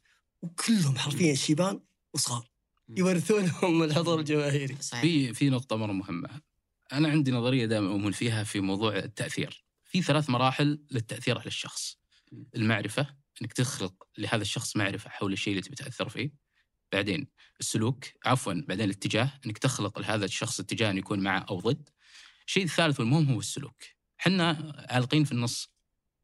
إحنا في خلق الاتجاهات وقفنا. ما حولنا انتماء الجماهير هذا إلى سلوك. كيف يعني عطني عطني مثال عليها عشان كيف نستوعب أجبر مشجع نادي الرياض يحضر في الملعب من خلال عدم بث مباراته على التلفزيون بكل بساطة مم. قانون التعتيم بتشوف. التعتيم بالضبط أنت بتشوف مباراة فريقك موجود في الملعب روح شوف المباراة هناك ما, ما تبغى تحضر في الملعب؟ كم عدد مشجعين الرياض؟ بعد نهايه دي أنا دحين أنا مشكلتي هنا. حتى لو أنا أنا لما 100 يجيبون معهم 100 يجيبون معهم أطفال أنا عندي الأطفال- مشكلة ثانية يا نواف أنا شوف بس أنا- الحضور أنا- أنا الجماهيري أنا شاب صغير وبشجع في فريق تنعرض مبارياته على التلفزيون وفي فريق لازم أتعب وتعنى له الملعب ليش أشجع هذا؟ بس في نقطة إحنا الآن بتنفرني من لا، تشجيع بس إحنا بالطريقة هذه في نقطة مرة مهمة، إحنا الآن متجهين للبث الرقمي في في الرياضات، وهذا يعني إذا ما كان خلال ثلاث سنوات أربع سنوات القادمة، ست سنوات القادمة. التحديث الجغرافي في البث أصبح سهل. فبالتالي ممكن منع بث المباراة في الرياض،. منع بث المباراة في جدة، منع بث المباراة في الدمام، بثها فقط في ال- في المناطق اللي يكون فيها خارج النادي. مم. هذا الشيء يخلي الناس تروح تحضر. أنا ليش أحضر وأعيش ست ساعات سبع ساعات بتجربة سيئة. وأنا بالاستراحة مع الشباب وأعيش يومي الويكند الجمعة اليوم اللي اللي يكون فيه الوحيد في الأسبوع أكون مرتاح فيه آه، أشوف المباراة وأنا مرتاح. هذه ترى فكرة أنا أجلس مع ناس كثير كذا قاعد يفكر طيب, ترى طيب يقول واحد لك ما أنا يقدر يروح الملعب أوكي الملعب يشيل 80000 كم عدد جمهور الهلال؟ خلينا نقول عندنا ملعب 80000 كم عدد الهلاليين الموجودين في الرياض؟ أوكي هذه طيب بيروح 80000 الباقيين شلون يشوفون المباراة؟ في طيب؟ م- في ملعب الهلال الجديد تم تلافي هذه المشكلة. تم وضع شاشات خارجية. يعني لازم أروح الملعب. لا مو برا؟ لا لا مو للملعب. ها؟ في بريطانيا هذه المشكلة موجودة. لكن وين تبث المباريات داخل المدينة؟ مم. في الأماكن العامة.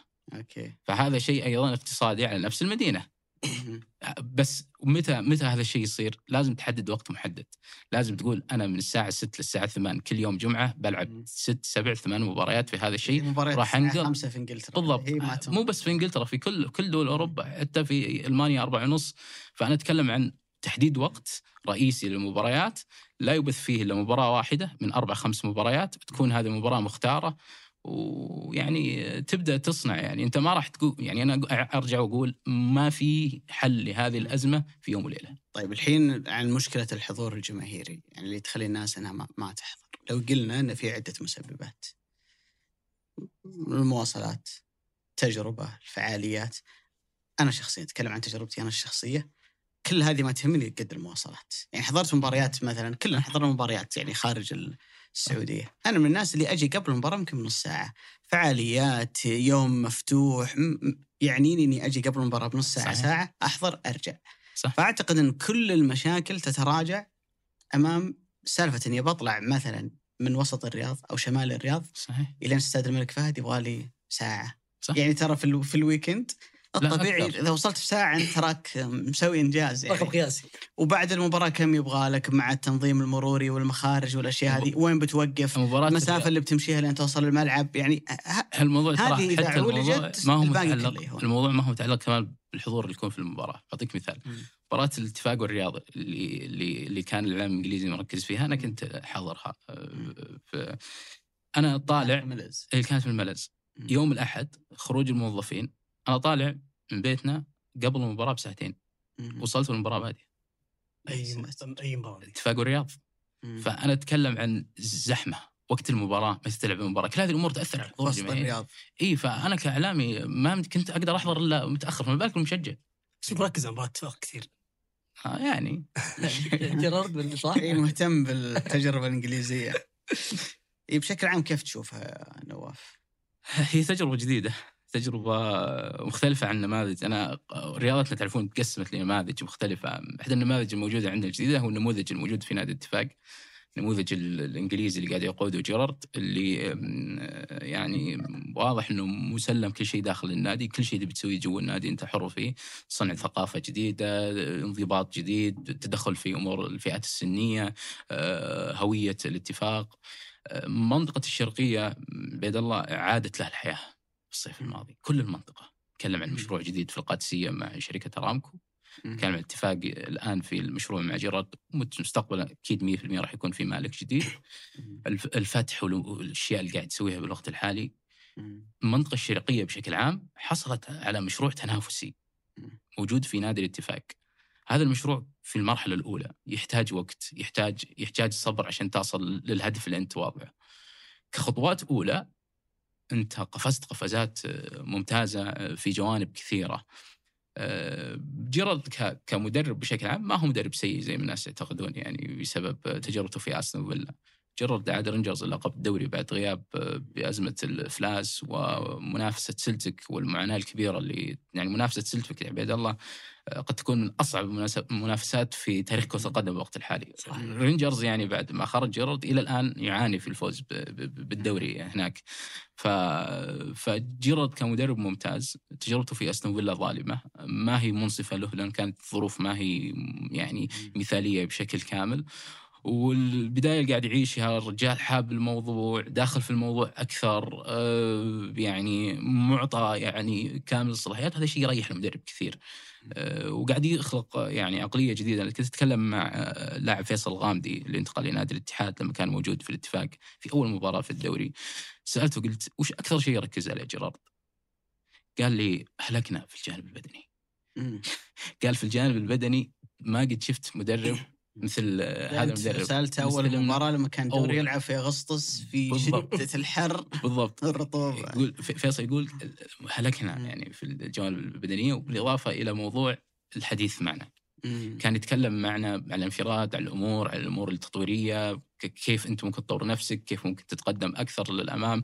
وهذه الأشياء بتعطي ال- ال- الأندية استقرار أكثر آه، تطوير أكثر ولازم تضع أهدافك يعني في النهاية وإذا حققتها ولا ما حققتها هذا قياس بالنسبة لمجلس الإدارة.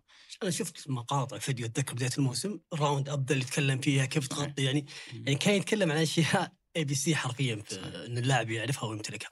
بس طريقة اللعب اللي جالس ينتهجها ممكن آه الملاحظ فيها وكثير من الأهداف اللي سجلها هالموسم كرة طولية ياخذها ديمبلي إيه. ينزلها وهدف أسلوب إنجليزي خلينا. نقول لك عتيق أو عريق جالس يفوز فيه في الفترة الماضية غاب موسى ديمبلي.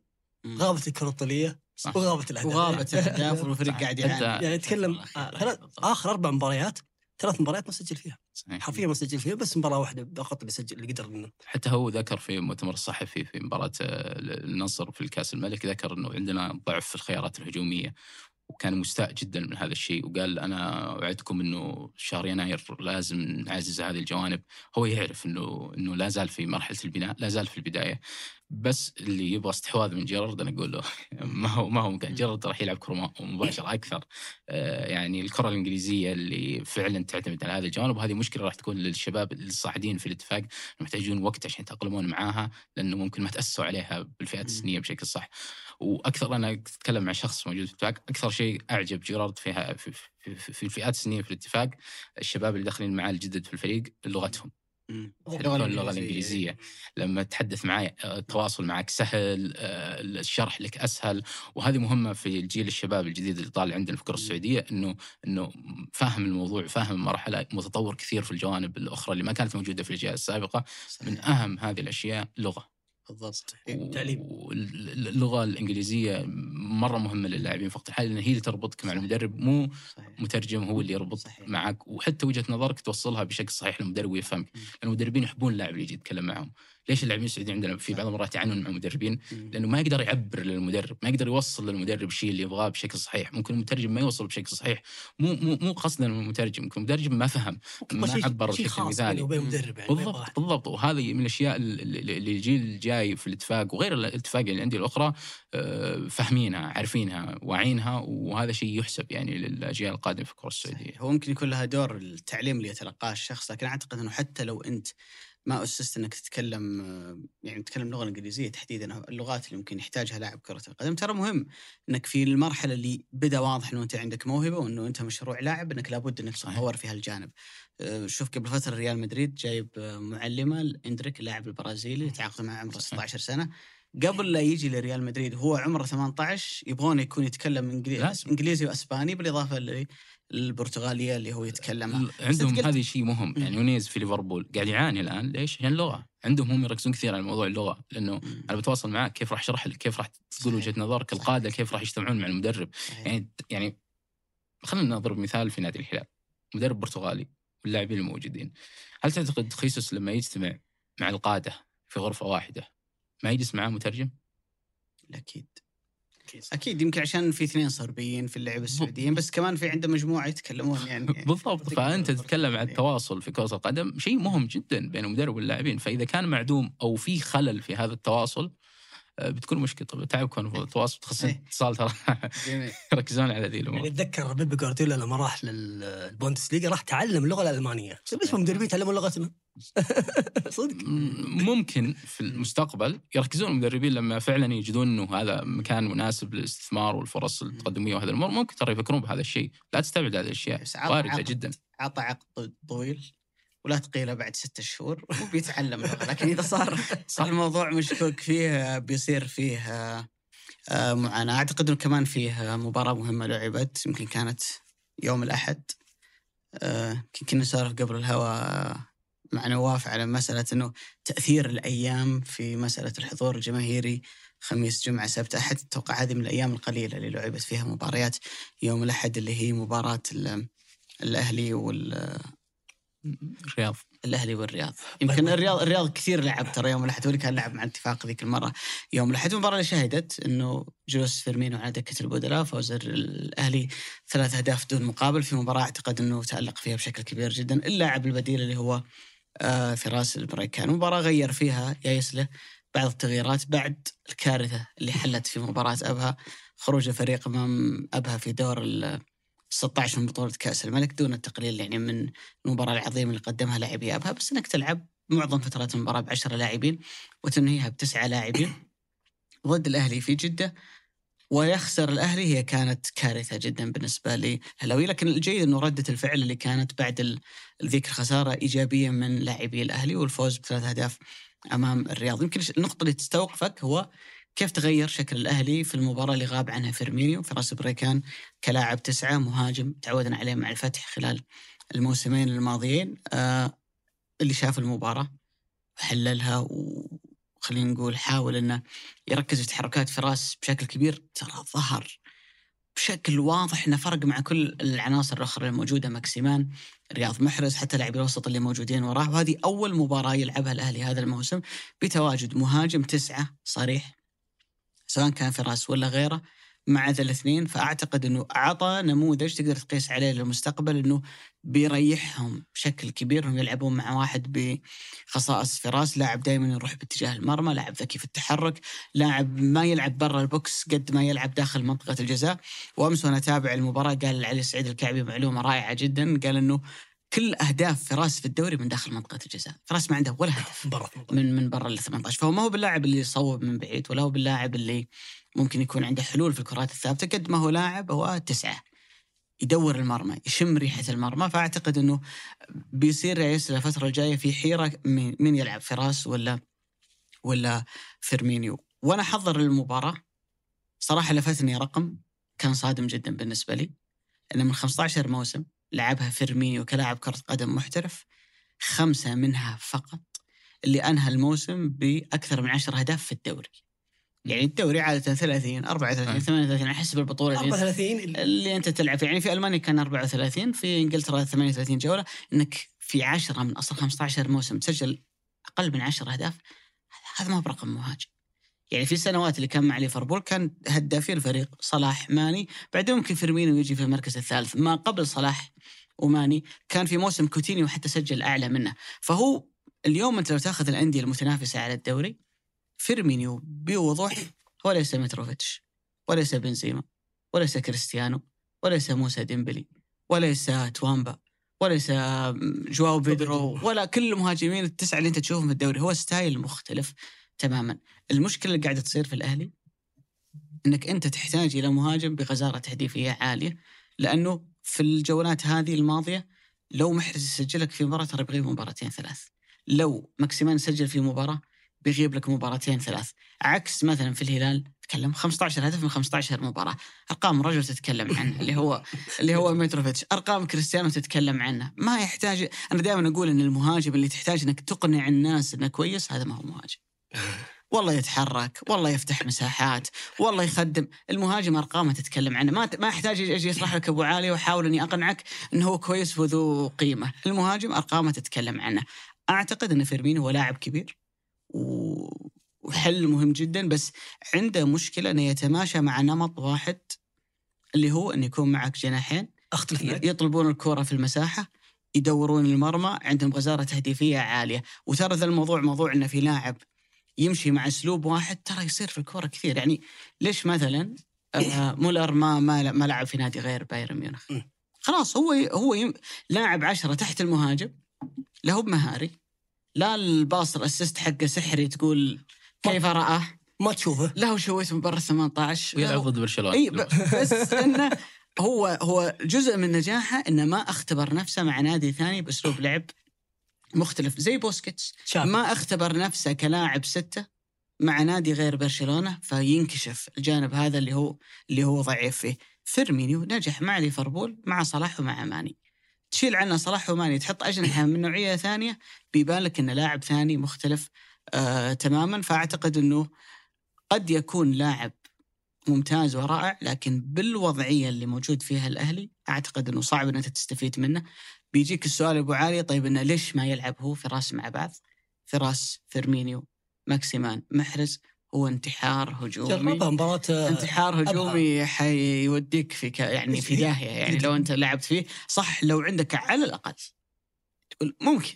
في احتمالية انه الأسلوب هذا ينجح إن يكون جنب كيسيه أخو كيسيه واحد زيه. واحد قوي واحد شرس واحد يقدر يفك لك كور لو كانتي معاه لو فابينيو معاه لو كويار معاه من النوعية ذي لكن تحط جنبه جابري فيجا لا آه. الموضوع بيكون آه. صعب جدا يعني عاد الثلاثة ذولي يا نواف كلهم جايين من ال Premier League يعني محرز فيرمينيو ماكسيمان حتى من بعد لا بس الله يرزقني على قدر الناس محمليني أي لاعب يفشل جاي من هناك قال أنت المسؤول. ما عندي وكالة أو شيء عن الدوري الإنجليزي هنا في الرياض عشان الناس تفهم. ولا أقدر أدافع عن اللاعبين لكن التركيبة نفسها بالنسبة لي كانت غريبة من الأساس. يعني محرز ما هو صلاح. ماكسمان ما هو ماني. في فرق كبير بين الاربع لاعبين ذولا في المقارنة. فيرمينو أكبر مشكلة لو كان جاي كمهاجم هداف. انت لما جبت فيرمينو كلاعب مهاجم بيسجل لك 20 25 هدف في الموسم الحالي إذا كنت كنت تفكر كذا وتعتقد كذا في مشكلة عندك في موضوع اختيار اللاعبين. لأنه فيرمينو لاعب يخدم المنظومه والمنظومة لازم تخدمه كمان. ما يقدر يعني لاعب آه، يقود خط هجومك لفترة طويلة ترتكز عليه في موضوع تسجيل الأهداف. مستحيل. يورجن كلوب ما ارتكز عليه إلا في مباراة واحدة ولا سجل. مباراة ريمونتادا برشلونة. الأربعة. اللي غاب فيها صلاح. الغاب فيها صلاح. هي المباراه الوحيده اللي اعتمد عليه ولا سجل. فأنا أتكلم عن لاعب آه، من ما هو. هداف. إيه. مم. فينالدوم وأوريجي فهو أساس أساس اللاعب ما هو هداف. على طاري اوريجي اوريجي أفضل ترى له. كان متاح. وأنا كنت أعرف إنه كان قريب أساسا من. الأهلي. شوف. بس ان الصفقة بالنهاية آه، تعثرت شوف لو نرجع شوي بالزمن نعرف المشكلة الأهلي ترى ما ولدت من نفس اللحظة ذيك. يعني الأهلي النادي الوحيد اللي غير مجلس إدارته والنادي الوحيد اللي غير والنادي المو الوحيد اللي غير مدربه ولكن مدربه أتى متاخرا نتكلم عن يايسله قبل الدوري ب 10 12 يوم والهلال جاب خيسوس تجربة سابقة معاه الاتحاد نفس نونو سانتو النصر جاب كاسترو من بدري تقريبا من قبل آه، أو من, من بدايه الميركاتو اتحاد الأهلي جاب ياسلي صح. قبل الدوري ب 10 أيام. كل الأجانب اللي تم التعاقد معهم كلهم تعاقد معهم قبل ما يوصل صحيح. يسلي باستثناء آه، فيجا ولكن الفريق اللي بني هذا اللعيبة الأجانب الثمان اللي جديدين واللعيبة المحليين الستة والسبعة يتم التعاقد معهم من نابت من فراس من من فهد الرشيدي من العمار وغيرهم من الأسماء. بالإضافة للثمانية أجانب اللي جبتهم بمدربهم بمجلس إدارتهم كلهم لقوا أنفسهم كذا فجأة في نادي يلا خلينا نفوز بالدوري. لا مشكله. يعني صعب جدا إنك تبني المنظومة هذه من مجلس إدارة إلى أصغر لاعب في لحظة واحدة تقول خلونا نجيب الدوري والضغوطات تزيد علينا. لذلك ولا, ولا في فريق أساسا في العالم تضيف عليه ثمان عناصر جديدة أول مرة يلعبون بعض تقول يلا روح جيب دوري. صعب مرة. بالضبط. بالإضافة لهذا كله أنا أتكلم لك عن مجلس إدارة ومدرب وثمان لعيبة صح، محليين صح. بعد تغيير شكل كامل غير أنت جاي من دوري Yelo. فأعتقد إن المشكلة أو الأساس القائم عليها مشكلة الأهلي هي إن سقف الطموحات العالي جدا قياسا بأن الفريق يولد من. ذي اللحظة. لذلك شفنا الخطأ في إنك تجيب محرز وماكسيمان. أجنحة ما تسجل وتجيب معاهم فيرمينو، لو كان في أي مدرب يدير يدير هذه العملية أو مدير رياضي يدير هذه العملية ما اتخذ هذا القرار الكارثي ولا جاب هذا ابدا، حتى ديميرال ما راح أجيب ديميرال وإيبانيز لاعبين خط. مدافعين سناتر وأخلي خانة ظهير أيمن أو ظهير أيسر. أنا ولا نادي زي كذا أعاني من قيمة اللاعبين في أرض الملعب، غالبا الأفضل إني ما أجيب حارس أجنبي، أجيب لاعب إضافي في أرض الملعب يأثر أكثر، خليني أستقبل هدف. اللحظات الخالدة اللي بيصنعها الحارس هي لحظه لحظتين في خليني أقول لك عشر لحظات في موسم كامل، بس إنه أستفيد من هذا اللاعب اللي هنا يكون عندي في أرض الملعب، ضيف لها إنه أنت فرطت في القائد وخليت فريق بدون قائد، فريق ما في أحد قادر يدير هذه المنظومة، يعني فيرمينو إذا راح يلعب في أبها بيعرف الأجواء هناك كيف بتكون؟ بيعرف إن هناك ديرة باردة ولا ولا البلد هذه أكثر مشجعين من الأهلي؟ لا ما يعرف. ما يعرف يحفز اللاعبين، ما يعرف يتكلم مع اللعيبة السعوديين الموجودين، يعني طبيعة تحفيزك ل- أو طبيعة اختيار فيرمينو كقائد كيف يتكلم مع الناس اللي حوله؟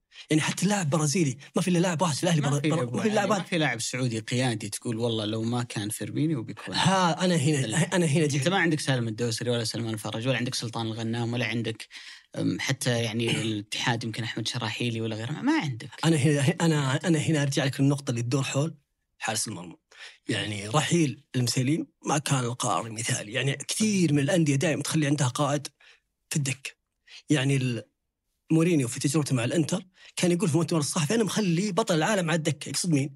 ماتراتزي صح. وماتراتزي قائد قائد في, صح. في غرفة ملابس ضرب بالوتيلي طق مونتاري والله صدق سواها ترى صحيح صحيح لا صحيح سجل أثناء الموسم؟ فمهم جدا فهم مهم جدا يكون عندك قائد. ومندي okay أنا مندي جالس يتألق تألق مو طبيعي الفترة الأخيرة حتى في مباراة أمس يمكن كورتين طلعها من, من الجول بس غلط إنك تجيب حارس وعندك المسيليم قيمة وجوده عالية وقائد للفريق. تحط فيرمينو الحين انت كيف تطلع فيرمينو؟ تحط دكه. ما تقدر تحط دكة. كابتن الفريق تحط دكة؟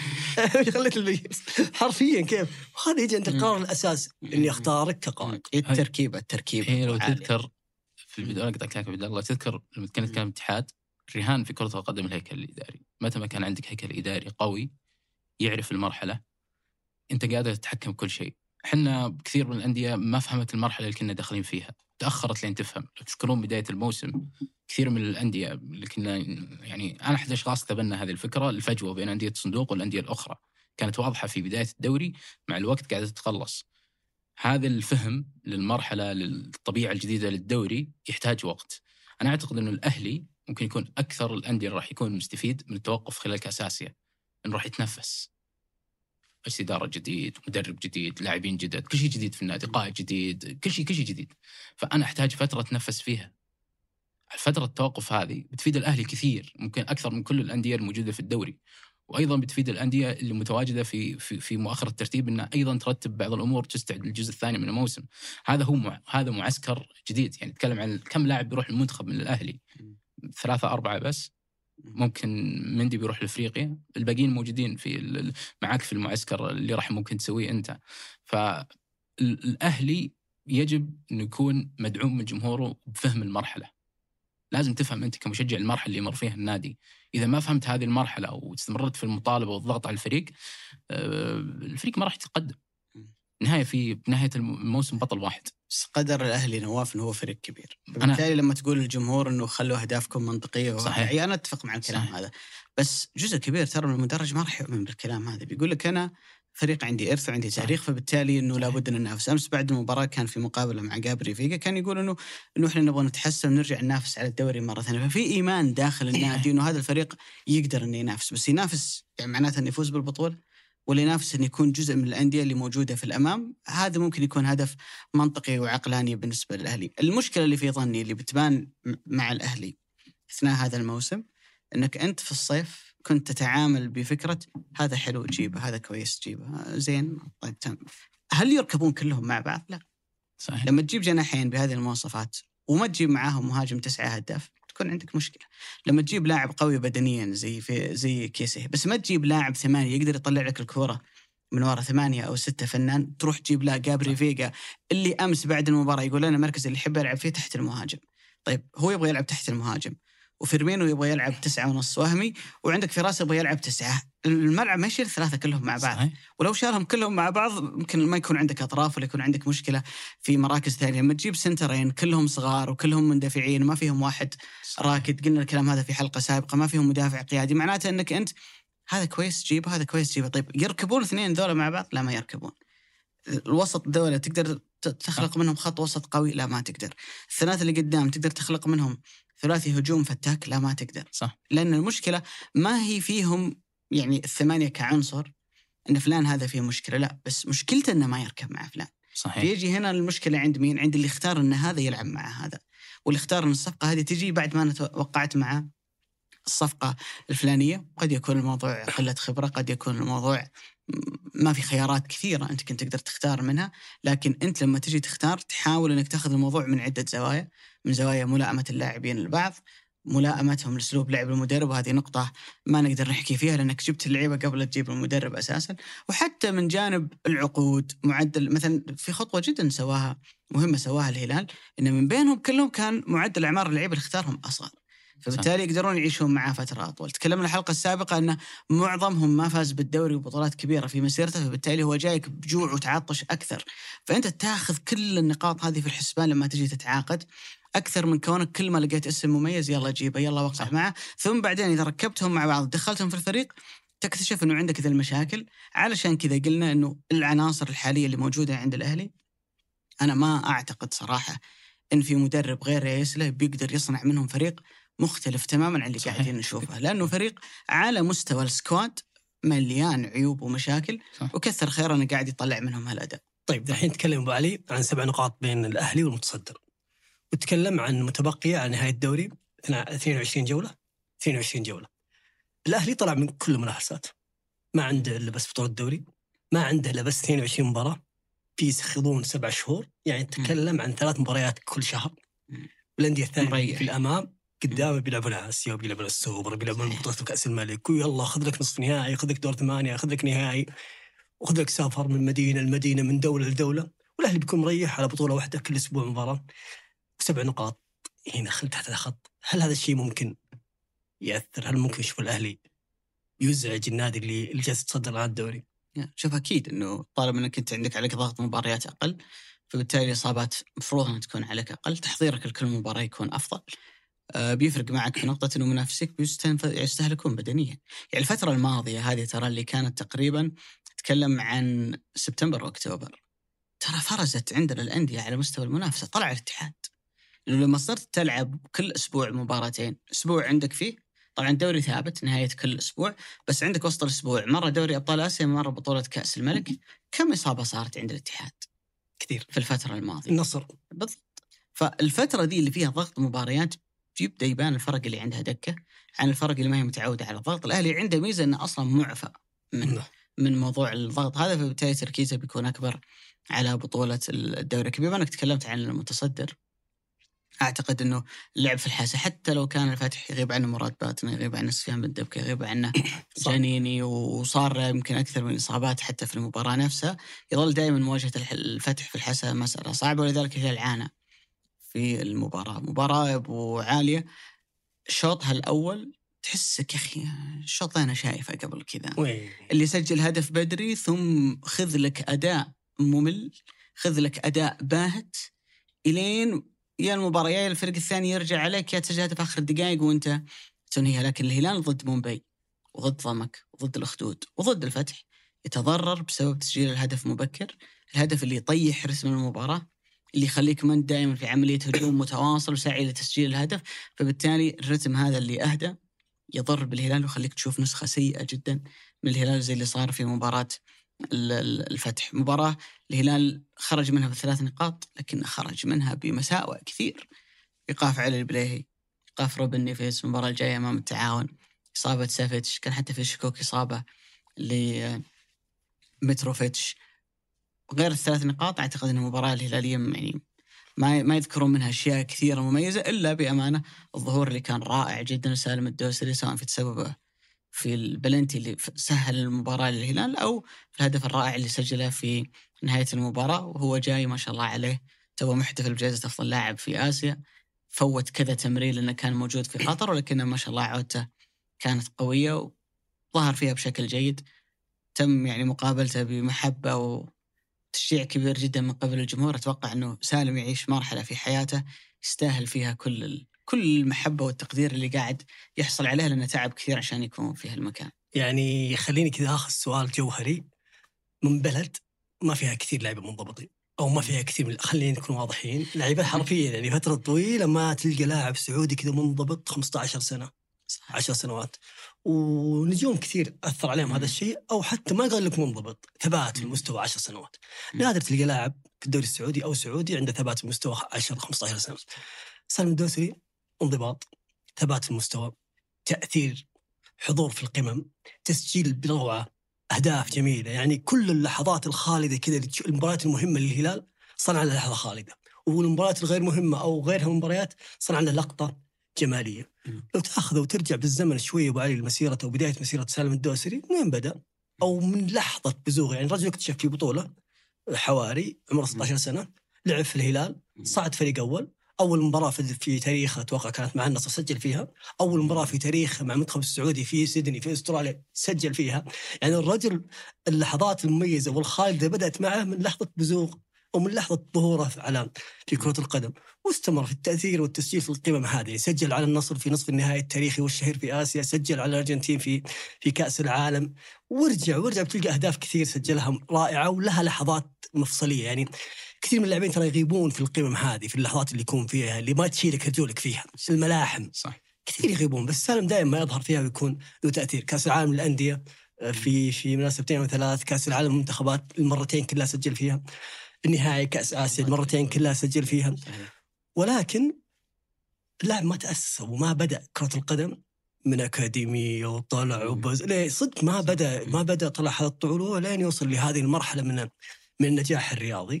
وترى هذا يعطيك دلالة على أن ترى مو شرط أن اللاعب يتأسس في أكاديميات وأياكس وإندهوفن ويلا تك تك تك. لا مو شرط. يعني يعني صراحة ترى جاي من من من مقاولون يتمرن عشان يروح التمرين ساعتين في الباص عشان يرجع من التمرين. أي تعب ممكن يعاني هذا اللاعب فيه قس عليه زياش زياش طول عمره في اياكس وتدريبات وشوف تأثير ذا وشوف تأثير ذا صح. شوف أبو علي أنا أنا أعتقد إنه أكبر نجاح لسالم الدوسري فعليا إنه نجح إنه يخلق نموذج جديد للاعب السعودي، اللاعب السعودي اللي عنده استمرارية عالية جدا، عنده حضور في كل الأحداث الكبرى، كأس العالم، كأس العالم للأندية، دوري أبطال آسيا، تقريبا ما في لحظة تاريخية في كرة القدم السعودية خلال السنوات الماضية إلا غالبا حتلاقي سالم الدوسري آه، جزء منها. يمكن لاعبين سابقين من أجيال سابقة الواحد يصير متعلق بلحظة معينة. ذاك الهدف. ذيك المباراة العظيمة اللي أنا لعبتها ذيك البطولة اللي أنا فزت فيها. سالم فعليا مسيرته كلها عبارة عن لحظات أيقونية وخالدة وأعتقد الموضوع هذا يعني ما جاء بالسهل. جزء كبير منه بسبب أنه سالم لاعب عنده التزام عالي. أنت قلت نقطة مهمة جدا أبو علي أنه الجيل القديم من اللاعبين ما كان عندهم ذاك الالتزام الكبير جدا على مستوى الجانب البدني وعلى مستوى الاستمرارية. الجيل كمان اللي طلع مع سالم اللي سالم هو واحد منه بأمانة معظمهم ما كان مميز في هذا الجانب. لو تحاول تتذكر المرحلة اللي طلع فيها سالم طلع مع نواف العابد عبد العزيز الدوسري أحمد الفريدي ولا واحد منهم عمل نصف المسيرة اللي عملها سالم. والسبب أنه الرجل عنده استمرارية عالية سببها أن حياته منضبطة. أعتقد أنه أكثر لاعب سعودي عنده lifestyle صحي. شفناه يمكن في السنوات الماضية صح في أسماء أخرى يمكن كان أبرزهم على وقته أسامة هوساوي بس تتكلم عن لاعب نجم عن لاعب له حضور طاغي في كل المناسبات الكبرى. اللاعب عادة أبو علي اللاعب الفنان الحريف المهاري ترى يكون أقل انضباطية صحيح. من اللاعبين الآخرين. عشان كذا أقول لك أن سالم خلق نموذج آه، مختلف. وأعتقد السبب أن الرجل مركز بشكل كبير جدا على كرة القدم. يعني زيدان لما حب أنه يمدح توني كروس لما كان زيدان يدرب توني كروس ما قال عنه أنه باصاته عظيمة ولا رؤيته للملعب خارقة ولا. قال الرجل هذا فيه نقطة رائعة جدا تشبهني أنا لما كنت ألعب كورة أن حياتي كان فيها كرة القدم والعائلة بس. فعليا تشعر إن سالم حياته فيها كرة القدم والعائله فقط يعني ما يعني ترى إن اللاعبين الآخرين ما عندهم عوائل. أوكي في نماذج من اللاعبين ممكن ما تزوجوا في عمر مبكر ممكن بعض منهم وصل إلى نهاية مسيرته وهو ما تزوج ما عنده حياة عائلية مستقرة. دائما ما يقاس النموذج على ميسي إنه كيف يمكن الحياة العائلية المستقرة إنها تأثر على اللاعب. بس أنا أعتقد إن التأثير اللي عند سالم إنك دائما في كل مقابلات وحتى لما كان في الكلمة اللي ألقاها شكرا. لما أخذ الجائزة تشعر إن لعائلته تأثير عليه. الفكرة ما هي بس إنه أنت عندك عائلة، الفكرة إنه هل عائلتك قادرة إنها تأثر عليك بشكل إيجابي ولا بشكل سلبي؟ تحتويك نفسيا بعد المباريات لما تمر بفترة ضغط، لما يكون عندك إصابة تحاول تتشافى منها، كيف تأثر عليك نفسيا؟ كيف تركز داخل الملعب؟ وش تسوي برا النادي في البيت أو في حياتك بشكل عام إلين اليوم الثاني اللي تروح تتمرن فيه؟ أعتقد ان سالم أنا بالنسبة لي أهم من الجوائز اللي فاز فيها. وأهم البطولات اللي أحرزها أكبر نجاح لسالم إنه خلق نموذج وورى الجيل القادم من اللاعبين إنك إذا أنت انضبطت والتزمت وتمرنت بشكل جيد وتغذيت بشكل جيد وحافظت على نفسك وركزت في كرة القدم ترى ممكن توصل اللي أنا وصلت له ممكن تروح لنجاح أبعد. كلنا وإحنا قاعدين نتابع سالم الدوسري يعني تتولد عندنا فكرة الرجل هذا لو طلع بدري كان كان سوى شيء عظيم جدا في أوروبا. صحيح. الجيل اللي بيجي بعد سالم سووا زي ما سوى سالم وإذا اتيحت لك الفرصه إنك تروح برا أوروبا ترى وارد جدا إنك تكون محمد صلاح ثاني، إنك تكون رياض محرز ثاني لأنه هذا الشيء اللي يظل اللاعب السعودي طوال مسيرته يفتقده الالتزام، الاهتمام بالجانب البدني، وأعتقد إن في جانب عند سالم ما يعطى حقا من الثناء والتقدير إن الرجل يسمع من مدربه. سالم في تطور كبير جدا في فهمه للعبة، في التحرك، في تأثيره كلاعب جناح مع, مع, نادي الهلال قرارات. في قراراته هذا الرجل يسمع المدربه وهذا الرجل يتمرن تمارين انفرادية أو خلينا نقول تمارين تطويرية إلى جانب التمارين اللي يأخذها مع مع بقية اللاعبين. فأعتقد أن نجاح لسالم من النجاحات صراحة اللي تضاف له اليوم لو تأخذ الأندية الأربعة الكبيرة اللي فيها صفوة اللاعبين الموجودين في الدوري الهلال الأهلي النصر الاتحاد السعودي الوحيد اللي يلعب في الثلث الهجومي كأساسي وقطعه وركيزه أساسية في الفريق لا يمس هو سالم الدوسري. صحيح. تروح للاهلي تتكلم عن محرز ماكسيمان فيرمينو خلفهم جابري فيغا تروح للنصر كريستيانو تاليسكا ماني خلفهم أوتافيو الاتحاد بنزيما حمد الله رومارينيو كورونادو. ممكن في بعض الفترات يلعب فراس ممكن في بعض الفترات يلعب عبد الرحمن غريب بس ما في واحد أساسي ولا يمكن المساس به. ويعامل معاملة ذا النجوم وينظر له حتى من النجوم على انه واحد في مستواهم إلا سالم الدوسري. الموضوع هذا ما جاء كذا هو عنده عنده جانب اللي هو عرفت دائما يقولون عنها الانجليز اللي هي جفتد اللي هي الهبة الإلهية اللي هي الموهبة بس سالم اشتغل كثير عليها عشان كذا هو في هالمرحلة من حياته كل المحبة اللي قاعد يتلقاها والنجاحات والثناء اللي هو قاعد يتلقاه يستاهل إنه تعب كثير عشان يكون في هالمكان. مدح المبدعين يا أبو علي أنا أموت فيه ليش؟ لأنه يخلق لي نماذج مبدعين ثاني يعني يحفز الأجيال اللاحقة إنها والله تصير مبدعة. لما نتكلم عن سالم الالتزام اللي العائلي اللي غير كثير من حياته ترى ميسي أنت قلت النموذج الأول انتونيلا صديقته عمره ست. سنوات إلى الآن ويتاثر على قراراته وخلقت له البيئة ذي المثالية اللي هو يقدر يتحرك فيها بعيد عن الضغوط بعيد عن كل شيء. شفت كل الأشياء اللي سواها سالم اللحظات الصور اللي تجيك انت تشوف هدف هنا، لحظة هنا، مهارة هنا، بطولة هنا. ترى كلها ما تساوي شيء ابدا في في في في نظرة سالم في اللحظة أو أو المباراه التالية، يعني لو أثرت عليه هذه المه أو هذه اللحظة ما راح يكون ناجح في اللحظة اللي التي تليها. ولذلك انت إذا خلقت نموذج أبو عالية ترى ممكن تطلع جيل أفضل. صحيح. يعني يتأثر بك. يعني الحين زيدان وش قال إذا جو ينادونه؟ زيدان أبو إنزو؟ ليش مسمي ولده الكبير إنزو؟ على إنزو فرانشيسكولي اللاعب الاورجواياني اللي كان يلعب في ريفر بليت. دائما يتكلم عنه زيدان يقول هذا كان أيقونتي وأنا صغير. كبرت وأنا يعني ألعب كرة قدم وأنا أشوفه هو المثل. طلع زيدان من هو انزو فرانشيسكولي أمام زيدان يعني؟ يعني خلق نموذج ترى مسألة جدا مهمة إنك أنت تخلق نموذج، يعني ميدو ذيك الأيام خلق نموذج لكل الجيل المصري، الشباب. المصريين اللي جاوا بعده، جاء صلاح راح لشيء أبعد من اللي سواه ميدو، فهذا اللي إحنا نتأمله، إن سالم يخلق نموذج، الجيل القادم من اللاعبين بإذن الله تعالى يروحون لأشياء أبعد من اللي يعني ميسي كان يشوف أيمار هو ايقونته أو, الاسم الخالد بالنسبة له. آه على العموم الفوز بالكرة أو أفضل لاعب في اسيا وهذه الكره الذهبيه، الفوز بأفضل لاعب في اسيا خليني أقول لك ما هي جائزة تعني لسالم الدوسري شيء كثير بقد ما هو شيء معنوي، شيء يذكر الناس أو يقول بعد سنوات لما يقول مين فاز بأفضل لاعب في آسيا اسم سالم موجود تذكروها الأجيال اللاحقة لأنهم ممكن ما يشوفون ذي المقاطع يكون في لاعب سالم الدوسري بس الشيء الأهم والشيء الأكبر والشيء المطلوب من سالم الآن بعد كل ما مضى كأس آسيا في قطر. الأيقونية والرمزية. إذا تريد أن تكتمل وتصبح رمز في تاريخ كرة قدم الرياضة السعودية. الكرز التي تخطى على بالضبط كاس اسيا كاس اسيا ثمان مباريات كل الأمل في المنتخب على سالم. سالم راح يعيش من الآن يعني مبلغ سالم من الآن انك راح تعيش تحت ضغط في هذه البطولة. إحنا ما نشوف إلا أنت لاعب قادر تأخذنا لهذه البطولة. وهذه بطولة يعني غابت عننا. يعني إحنا يمكن جيل ما شفناها. صح. إحنا ما شفنا البطولة آه، صحيح. يعني يعني أنا لاحق الكبار يمكن لحقوا عليها بس الصغار يمكن ما لحقوا عليها. فكأس آسيا هذه تعني الكثير بالنسبة لنا طولت كثير كم هل, ضروري إنه. يفوز بكأس آسيا عشان يصير أسطورة؟ أعتقد نعم. معناته إنجلترا ما عندها أساطير بعد 66 نوعا ما صحيح أنا ما أقول لك آه، لا لكن تخيل أنت تحكي. عن رمز. كبير مثل سالم الدوسري لم يحقق آسيا كاس اسيا من المنتخب. أحس إنه مربوط بعمل جماعي يا أبو أبو نواف. أوكي بس إذا أنت. دائما الأعمال الجماعية يكون فيها فرد فارق. زي ما سوى ميسي في كأس العالم الأخيرة. لازم سالم يركز على هذا الهدف. تنس يا أبو نواف أنا معليش يعني. أنا- أنا أنا ضد هذا المنطق أجل- مرة لأن لأن المنظومه هي اللي تشيلني مو أجل بهذه الطريقة كل اللاعبين متساويين. لازم أوه. في لاعب يفرق.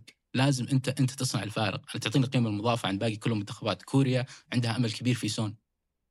إحنا عندنا أمل كبير في سالم. اليابان عندها أمل كبير في ميتوما. اللاعب الحل الفردي قد يخلص لك مباراة. من لا شيء. فسالم عليه ضغط كبير.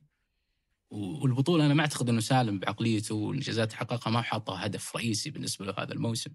أنا يعني سالم شخصيته وال- وال- والشيء اللي شفناه من السنوات الماضية أنا متأكد 100% إنه أحد أهدافه الرئيسية السنة هذه إنه يفوز بهذه البطولة لأنه يعرف قيمتها الحقيقية بالنسبة لكل السعوديين مو بس هو الشيء الهلاليين الوحيد اللي باقي لها يعني بالضبط. على مستوى بالضبط. الأندية جاء أنا قلت لك الكمال.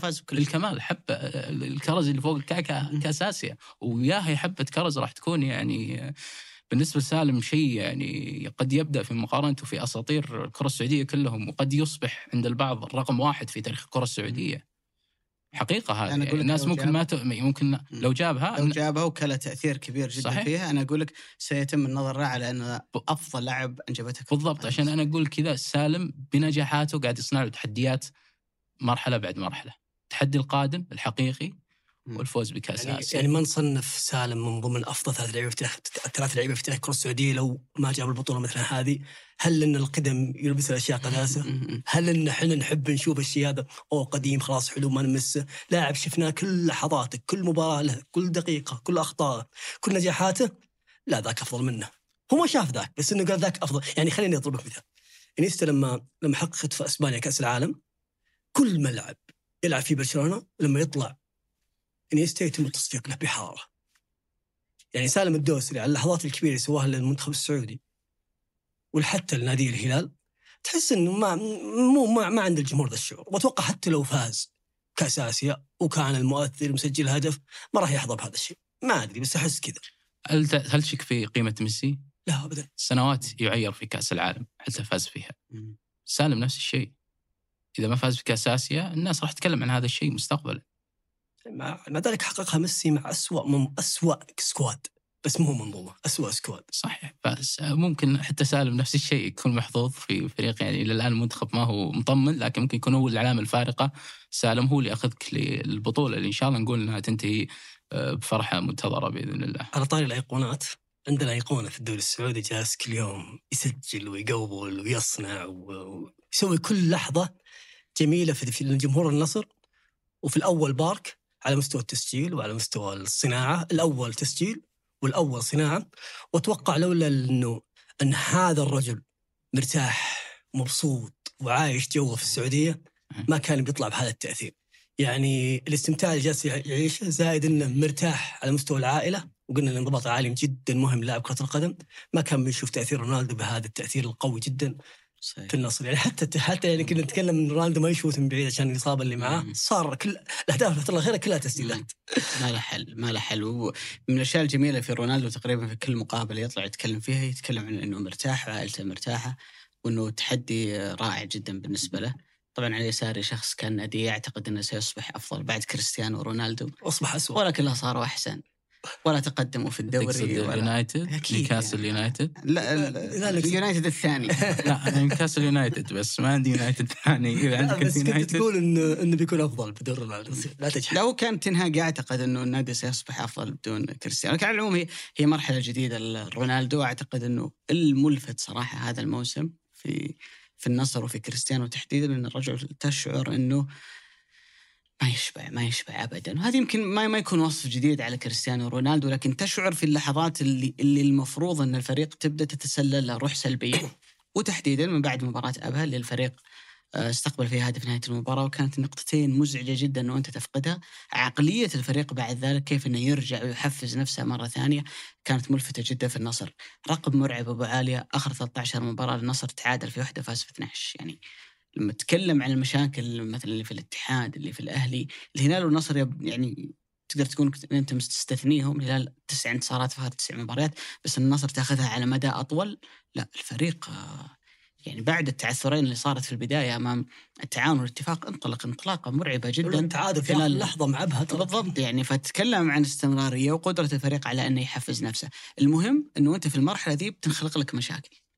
غيابات، إصابات لاعبين، كيف ان انت تتعامل معها؟ المباراة الأخيرة ان يغيب عنك تاليسكا، ان يغيب عنك سلطان الغنام، يغيب عنك علي لاجامي، تضطر تغير مركز عبد الله الخيبري، تضطر تسوي تغييرات كثيرة جدا في في التشكيلة، كيف إنك أنت تتعامل معه؟ هذا نجاح كبير جدا بالنسبة للنصر والكاسترو تحديدا. في ال- المباراة تحديدا أعتقد أنه سوى عدة تغييرات تكتيكية كانت مهمة جدا أنه أوكي ال- الواضح للناس أنه غير مركز عبد الله الخيبري لكن حتى في التوظيف في وسط الملعب أنك ماني هل يلعب يمين ولا يلعب يسار؟ اختار أنه يفتح في الملعب ناحية اليمين لأن الظهير اللي وراه ضعيف في الجانب الهجومي اللي هو عبد الله الخيبري وتيلس اللي بالعادة يتحول إلى قلب دفاع ثالث لا يفتح في الملعب ناحية اليسار يضم عبد الرحمن غريب مع أوتافيو تحت آه كريستيانو رونالدو والتوظيف الجديد لبروزوفيتش وفوفانا الاثنين تقريبا تشعر انهم على نفس الخط بس إنه ستة. 4 4 2 ابو علي هي أقرب إلى اربعه لا أربعة خلينا نقول لأن لأن في الغالب ترى ماني ياخذ أقصى الطرف إيه، اليمين هو يسار كان كان موجود كان تلس. تل- ويضم عبد الرحمن غريب مع اوتافيو في عمق الملعب. لها عدة تشكيلات داخل الملعب لكن بتلاحظ إنه مثلا الزيادة الهجومية من اللاعب الظهير الأيمن تختلف بشكل كبير صح. عن اللاعب الظهير الأيسر، ان ماني يلعب طول الوقت قريب من الخط غريب لا.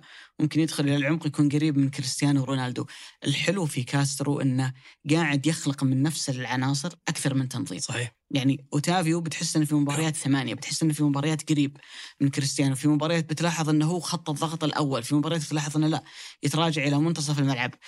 واضح إن المدرب عنده جهاز مساعد قاعد يقرأ كل منافس وبناء عليه يرسم الشكل اللي هو بيدخل فيه كل مباراة. وداخل المباراة نفسها عنده لعيبة فتاكين على مستوى الحلول ال- الفردية. يمكن من الأشياء اللي كانت شوي غريبة بالنسبة لي إنه يستخدم آه عبد الله الخيبري كلاعب ظهير يمين. واضح إنه ما هو بالمركز المثالي بالنسبة له لكن مصيب قد يكون مضطر. لكن في في كذا ترابط غريب جدا في الكورة بين المحور ومركز الظهير الأيمن. يعني عالميا أتذكر آه، كيمش فابينيو. فيليب لام فابينيو في ريال مدريد في الكاستيا كان يلعب زانيتي. كلاعب آه، ظهير يمين بعدين صار لاعب محور. زانيتي آه، حتى تشيفو كان يلعب. ظهير ويلعب أحيانا. لكن أتكلم يمكن ناحية اليمين تحديدا. مد الله عليان بداياته كان لاعب محور. خالد عزيز بداياته كان لاعب محور. كثير لعيبة ترى عبد الملك العير اليوم في نادي التعاون كثير لعيبة يقدرون يلعبون المركزين المحور والظهير اليمين. يكون عنده قدرة إنه يلعب في المركزين بذات ال- الكفاءة وخلينا نقول بشكل متقارب لكن أعتقد إنه ما هو بالمركز صراحة المثالي لعبد الله الخيبري. واضح إن الرجل بس قاعد يسد ثغرة قاعد يسد خانة ما ما يقدر إنه يبتكر ما يقدر إنه يعطيك حلول مختلفة. وهنا تلحظ إن كل مدرب له نظرة. يعني العام الماضي جارسيا كان لما يضطر كان يلعب عبد, آه، عبد الإله العمري. يعني موجود عندك خيارات ثانية ممكن تلعب مادو ممكن تلعب آه، فتيل وتلعب عبد الاله ظهير يمين بس واضح إنه لا مقتنع إنه عبد الاله هو سنتر ما ينفع إنه يلعب ظهير يمين بينما مع جارسيا كان يلعب ظهير يمين وكان يطلع ويزيد ويعرض ويعمل مساهمات هجومية فكل مدرب له نظرة لكن المهم في النصر في الفترة الحالية إن حتى لو المستوى كان أقل لابد انك ما تفرق بأكثر من أربع نقاط عن المتصدر صحيح. اللي هو الهلال بانتظار المواجهة اللي راح تجمعهم في بداية ديسمبر، لو زاد الفارق بيحط عليك ضغط بشكل أكبر، سيظل النصر معاقب طوال الموسم بسبب الست نقاط اللي فقدها في أول جولتين، عشان كذا هامش الخطأ دائما عنده بيكون أقل عشان كذا. كنت أقول عنها كارثة بس الناس ما كانت تستوعب وقتها إني قاعد أقول كارثة. النصر احتاج انه 12 مباراة بدون خسارة تعادل واحد ولا وصل مصدر يعني خسارتين في أول جولة في أول جولتين مصيبة وكارثة بس الناس ما كانت تستشعر قيمة هذه الكلمة لأنها لو دخل في كم تعثر كان كان انهار النصر أو كنا نستبعد النصر عن المنافسة. ولكن تشعر من كاسترو قاعد يتعامل مع الغيابات فعلا يعني مو المرة الأولى اللي يغيب عنده أو يحدث عنده غيابات كبيرة. غاب عنده نواف العقيدي غاب عنه بروزوفيتش في لحظات غاب عنه تاليسكا في كثير من اللحظات. الفريق باقي ماشي كويس رايح في في نسق تصاعدي. إيش رأيك يا شكل النصر اللي جالس اشوفه الآن؟ هو شكل النصر آه، وصفه كاسترو في المؤتمر الصحفي مع اتفاق لما سألته أنا قلت له كيف شايف النصر؟ أنتم وين رايحين؟ يعني اليوم في المباراة بعد الطرد شفنا الدكة تساعد اللاعبين الأساسيين في التوجيه، شفناك أنت توقف كثير على الخط المساعدين، شفنا مترجم كمان كان يوقف على الخط كثير. النصر إيش؟ قال لي بكل اختصار إحنا أصبحنا عائلة. أصبحنا عائلة، أصبحنا آه، فريق أكثر من السنوات الماضية، تقاربنا أكثر، وهذا الشيء يعني بالنسبة لكاسترو واضح من المباراة الأولى إنه جاي يرتب ومع الترتيب الفريق راح يطلع، وهذا شيء واضح، المشاكل اللي بداية الموسم ما هي موجودة الحين وفي بعضها موجود لكن راح ما يحتاج وقت. مثلا موضوع التسرع في استحواذ بالكره والتمرير، واضح الفريق ياخذ التسرع أكثر من السرعة، موضوع الكرات الطويلة في ظهر الدفاع، موضوع أيضا إي فالفريق نفسه يحتاج وقت في تطوير هذه الأشياء. لكن الصراحة بندر الأمتع من النصر في الملعب مؤتمرات كاسترو الصحفية. أنا ما شفت ما مدرب تنقل كاملة هي صح؟ طبعا ما تنقل كاملة لانها طويلة أصلا هي شوط ثالث في المباراة. تتكلم عن 30 دقيقة 25 دقيقة مؤتمر صحفي هو المدرب الوحيد اللي يرفض أن ينتهي المؤتمر الصحفي آه، بالوقت المحدد اللي هو ربع ساعة. فيجلس في المؤتمر الصحفي مستعد يشرح لك أي شيء وبالعكس يصحح لك بعض الأمور.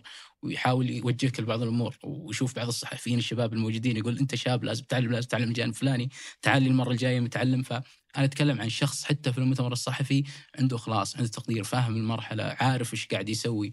مثل ذول المدربين هم إضافة للدوري. صحيح. صحيح لما جاء ما كان في رضا على الاسم الناس كانت تبغى اسم أكبر لكن دائما الاسم الكبير ما هو كل شيء في كرة القدم. صحيح. العمل هو المهم وعمل كاسترو إلى الآن. قاعد يمشي صح في انتظار 1 ديسمبر المباراة. الاكبر في كرة السعودية هذا في 1 بس. ديسمبر؟ توقعاتك والله مباراة صعبة صعب التوقع فيها مع الضغط الحالي الإصابات ما أدري إيش راح يصير لكن أنا أعتقد إنه الهلال آه، ممكن أقرب للفوز في الوقت الحالي وكتصريح ذا قبل المباراة بكم كم اليوم كم. تاريخ دقيقة. مم. ستة باقي غرطك 24 يوم أوي، غرطناك إلا هو اللي يتحمل بالمشاو. شوف أنا أشوف ممكن الشيء اللي اللي ممكن يكون العقبة أو حجر العثرة اللي ممكن تاثر على النصر هو إن النادي الوحيد اللي لعب نفس عدد مباريات الأندية الأخرى اللي هي ثلاثة اللي هلال اتحاد النصر ولكن زايد عنهم بمباراة في في كأس آسيا بحكم إنه لاعب ملحق آه. زايد عنهم بنص ساعة زيادة مباراة اتفاق ونص ساعة زيادة اللي هي وقت إضافي. مباراة الهلال في النهائي العربية. يعني النادي الوحيد اللي هو النص ساعة الزايده دي كلها لعبها فاقد لاعب. يعني لعبها ب 10 لاعبين.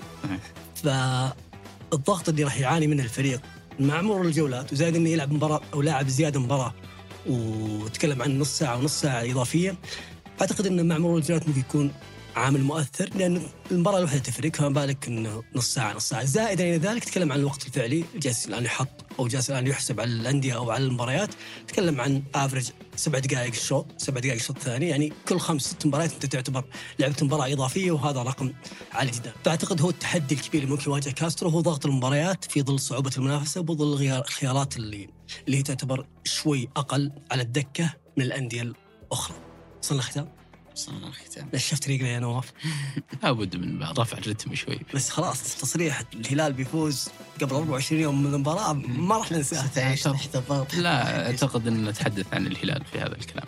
شكرا لكم وشكرا لمحمد الفوزان في إعداد وإنتاج هذه الحلقة عبد الرحمن عبود في التصوير وفي الإضاءة ياسر كدشة يوسف إبراهيم في التسجيل والهندسة الصوتية وفي التحرير مرام الضيبان وفي التلوين عبد المجيد العطاس وفي إدارة الإنتاج عبد المجيد عمر وفي الإشراف على الإنتاج رزان دهيثم وفي إدارة محتوى التواصل الاجتماعي أحمد غالب. هذا بودكاست مرتدة أحد منتجات شركة ثمانية للنشر والتوزيع. إلى أن نلقاكم في الحلقة القادمة في أمان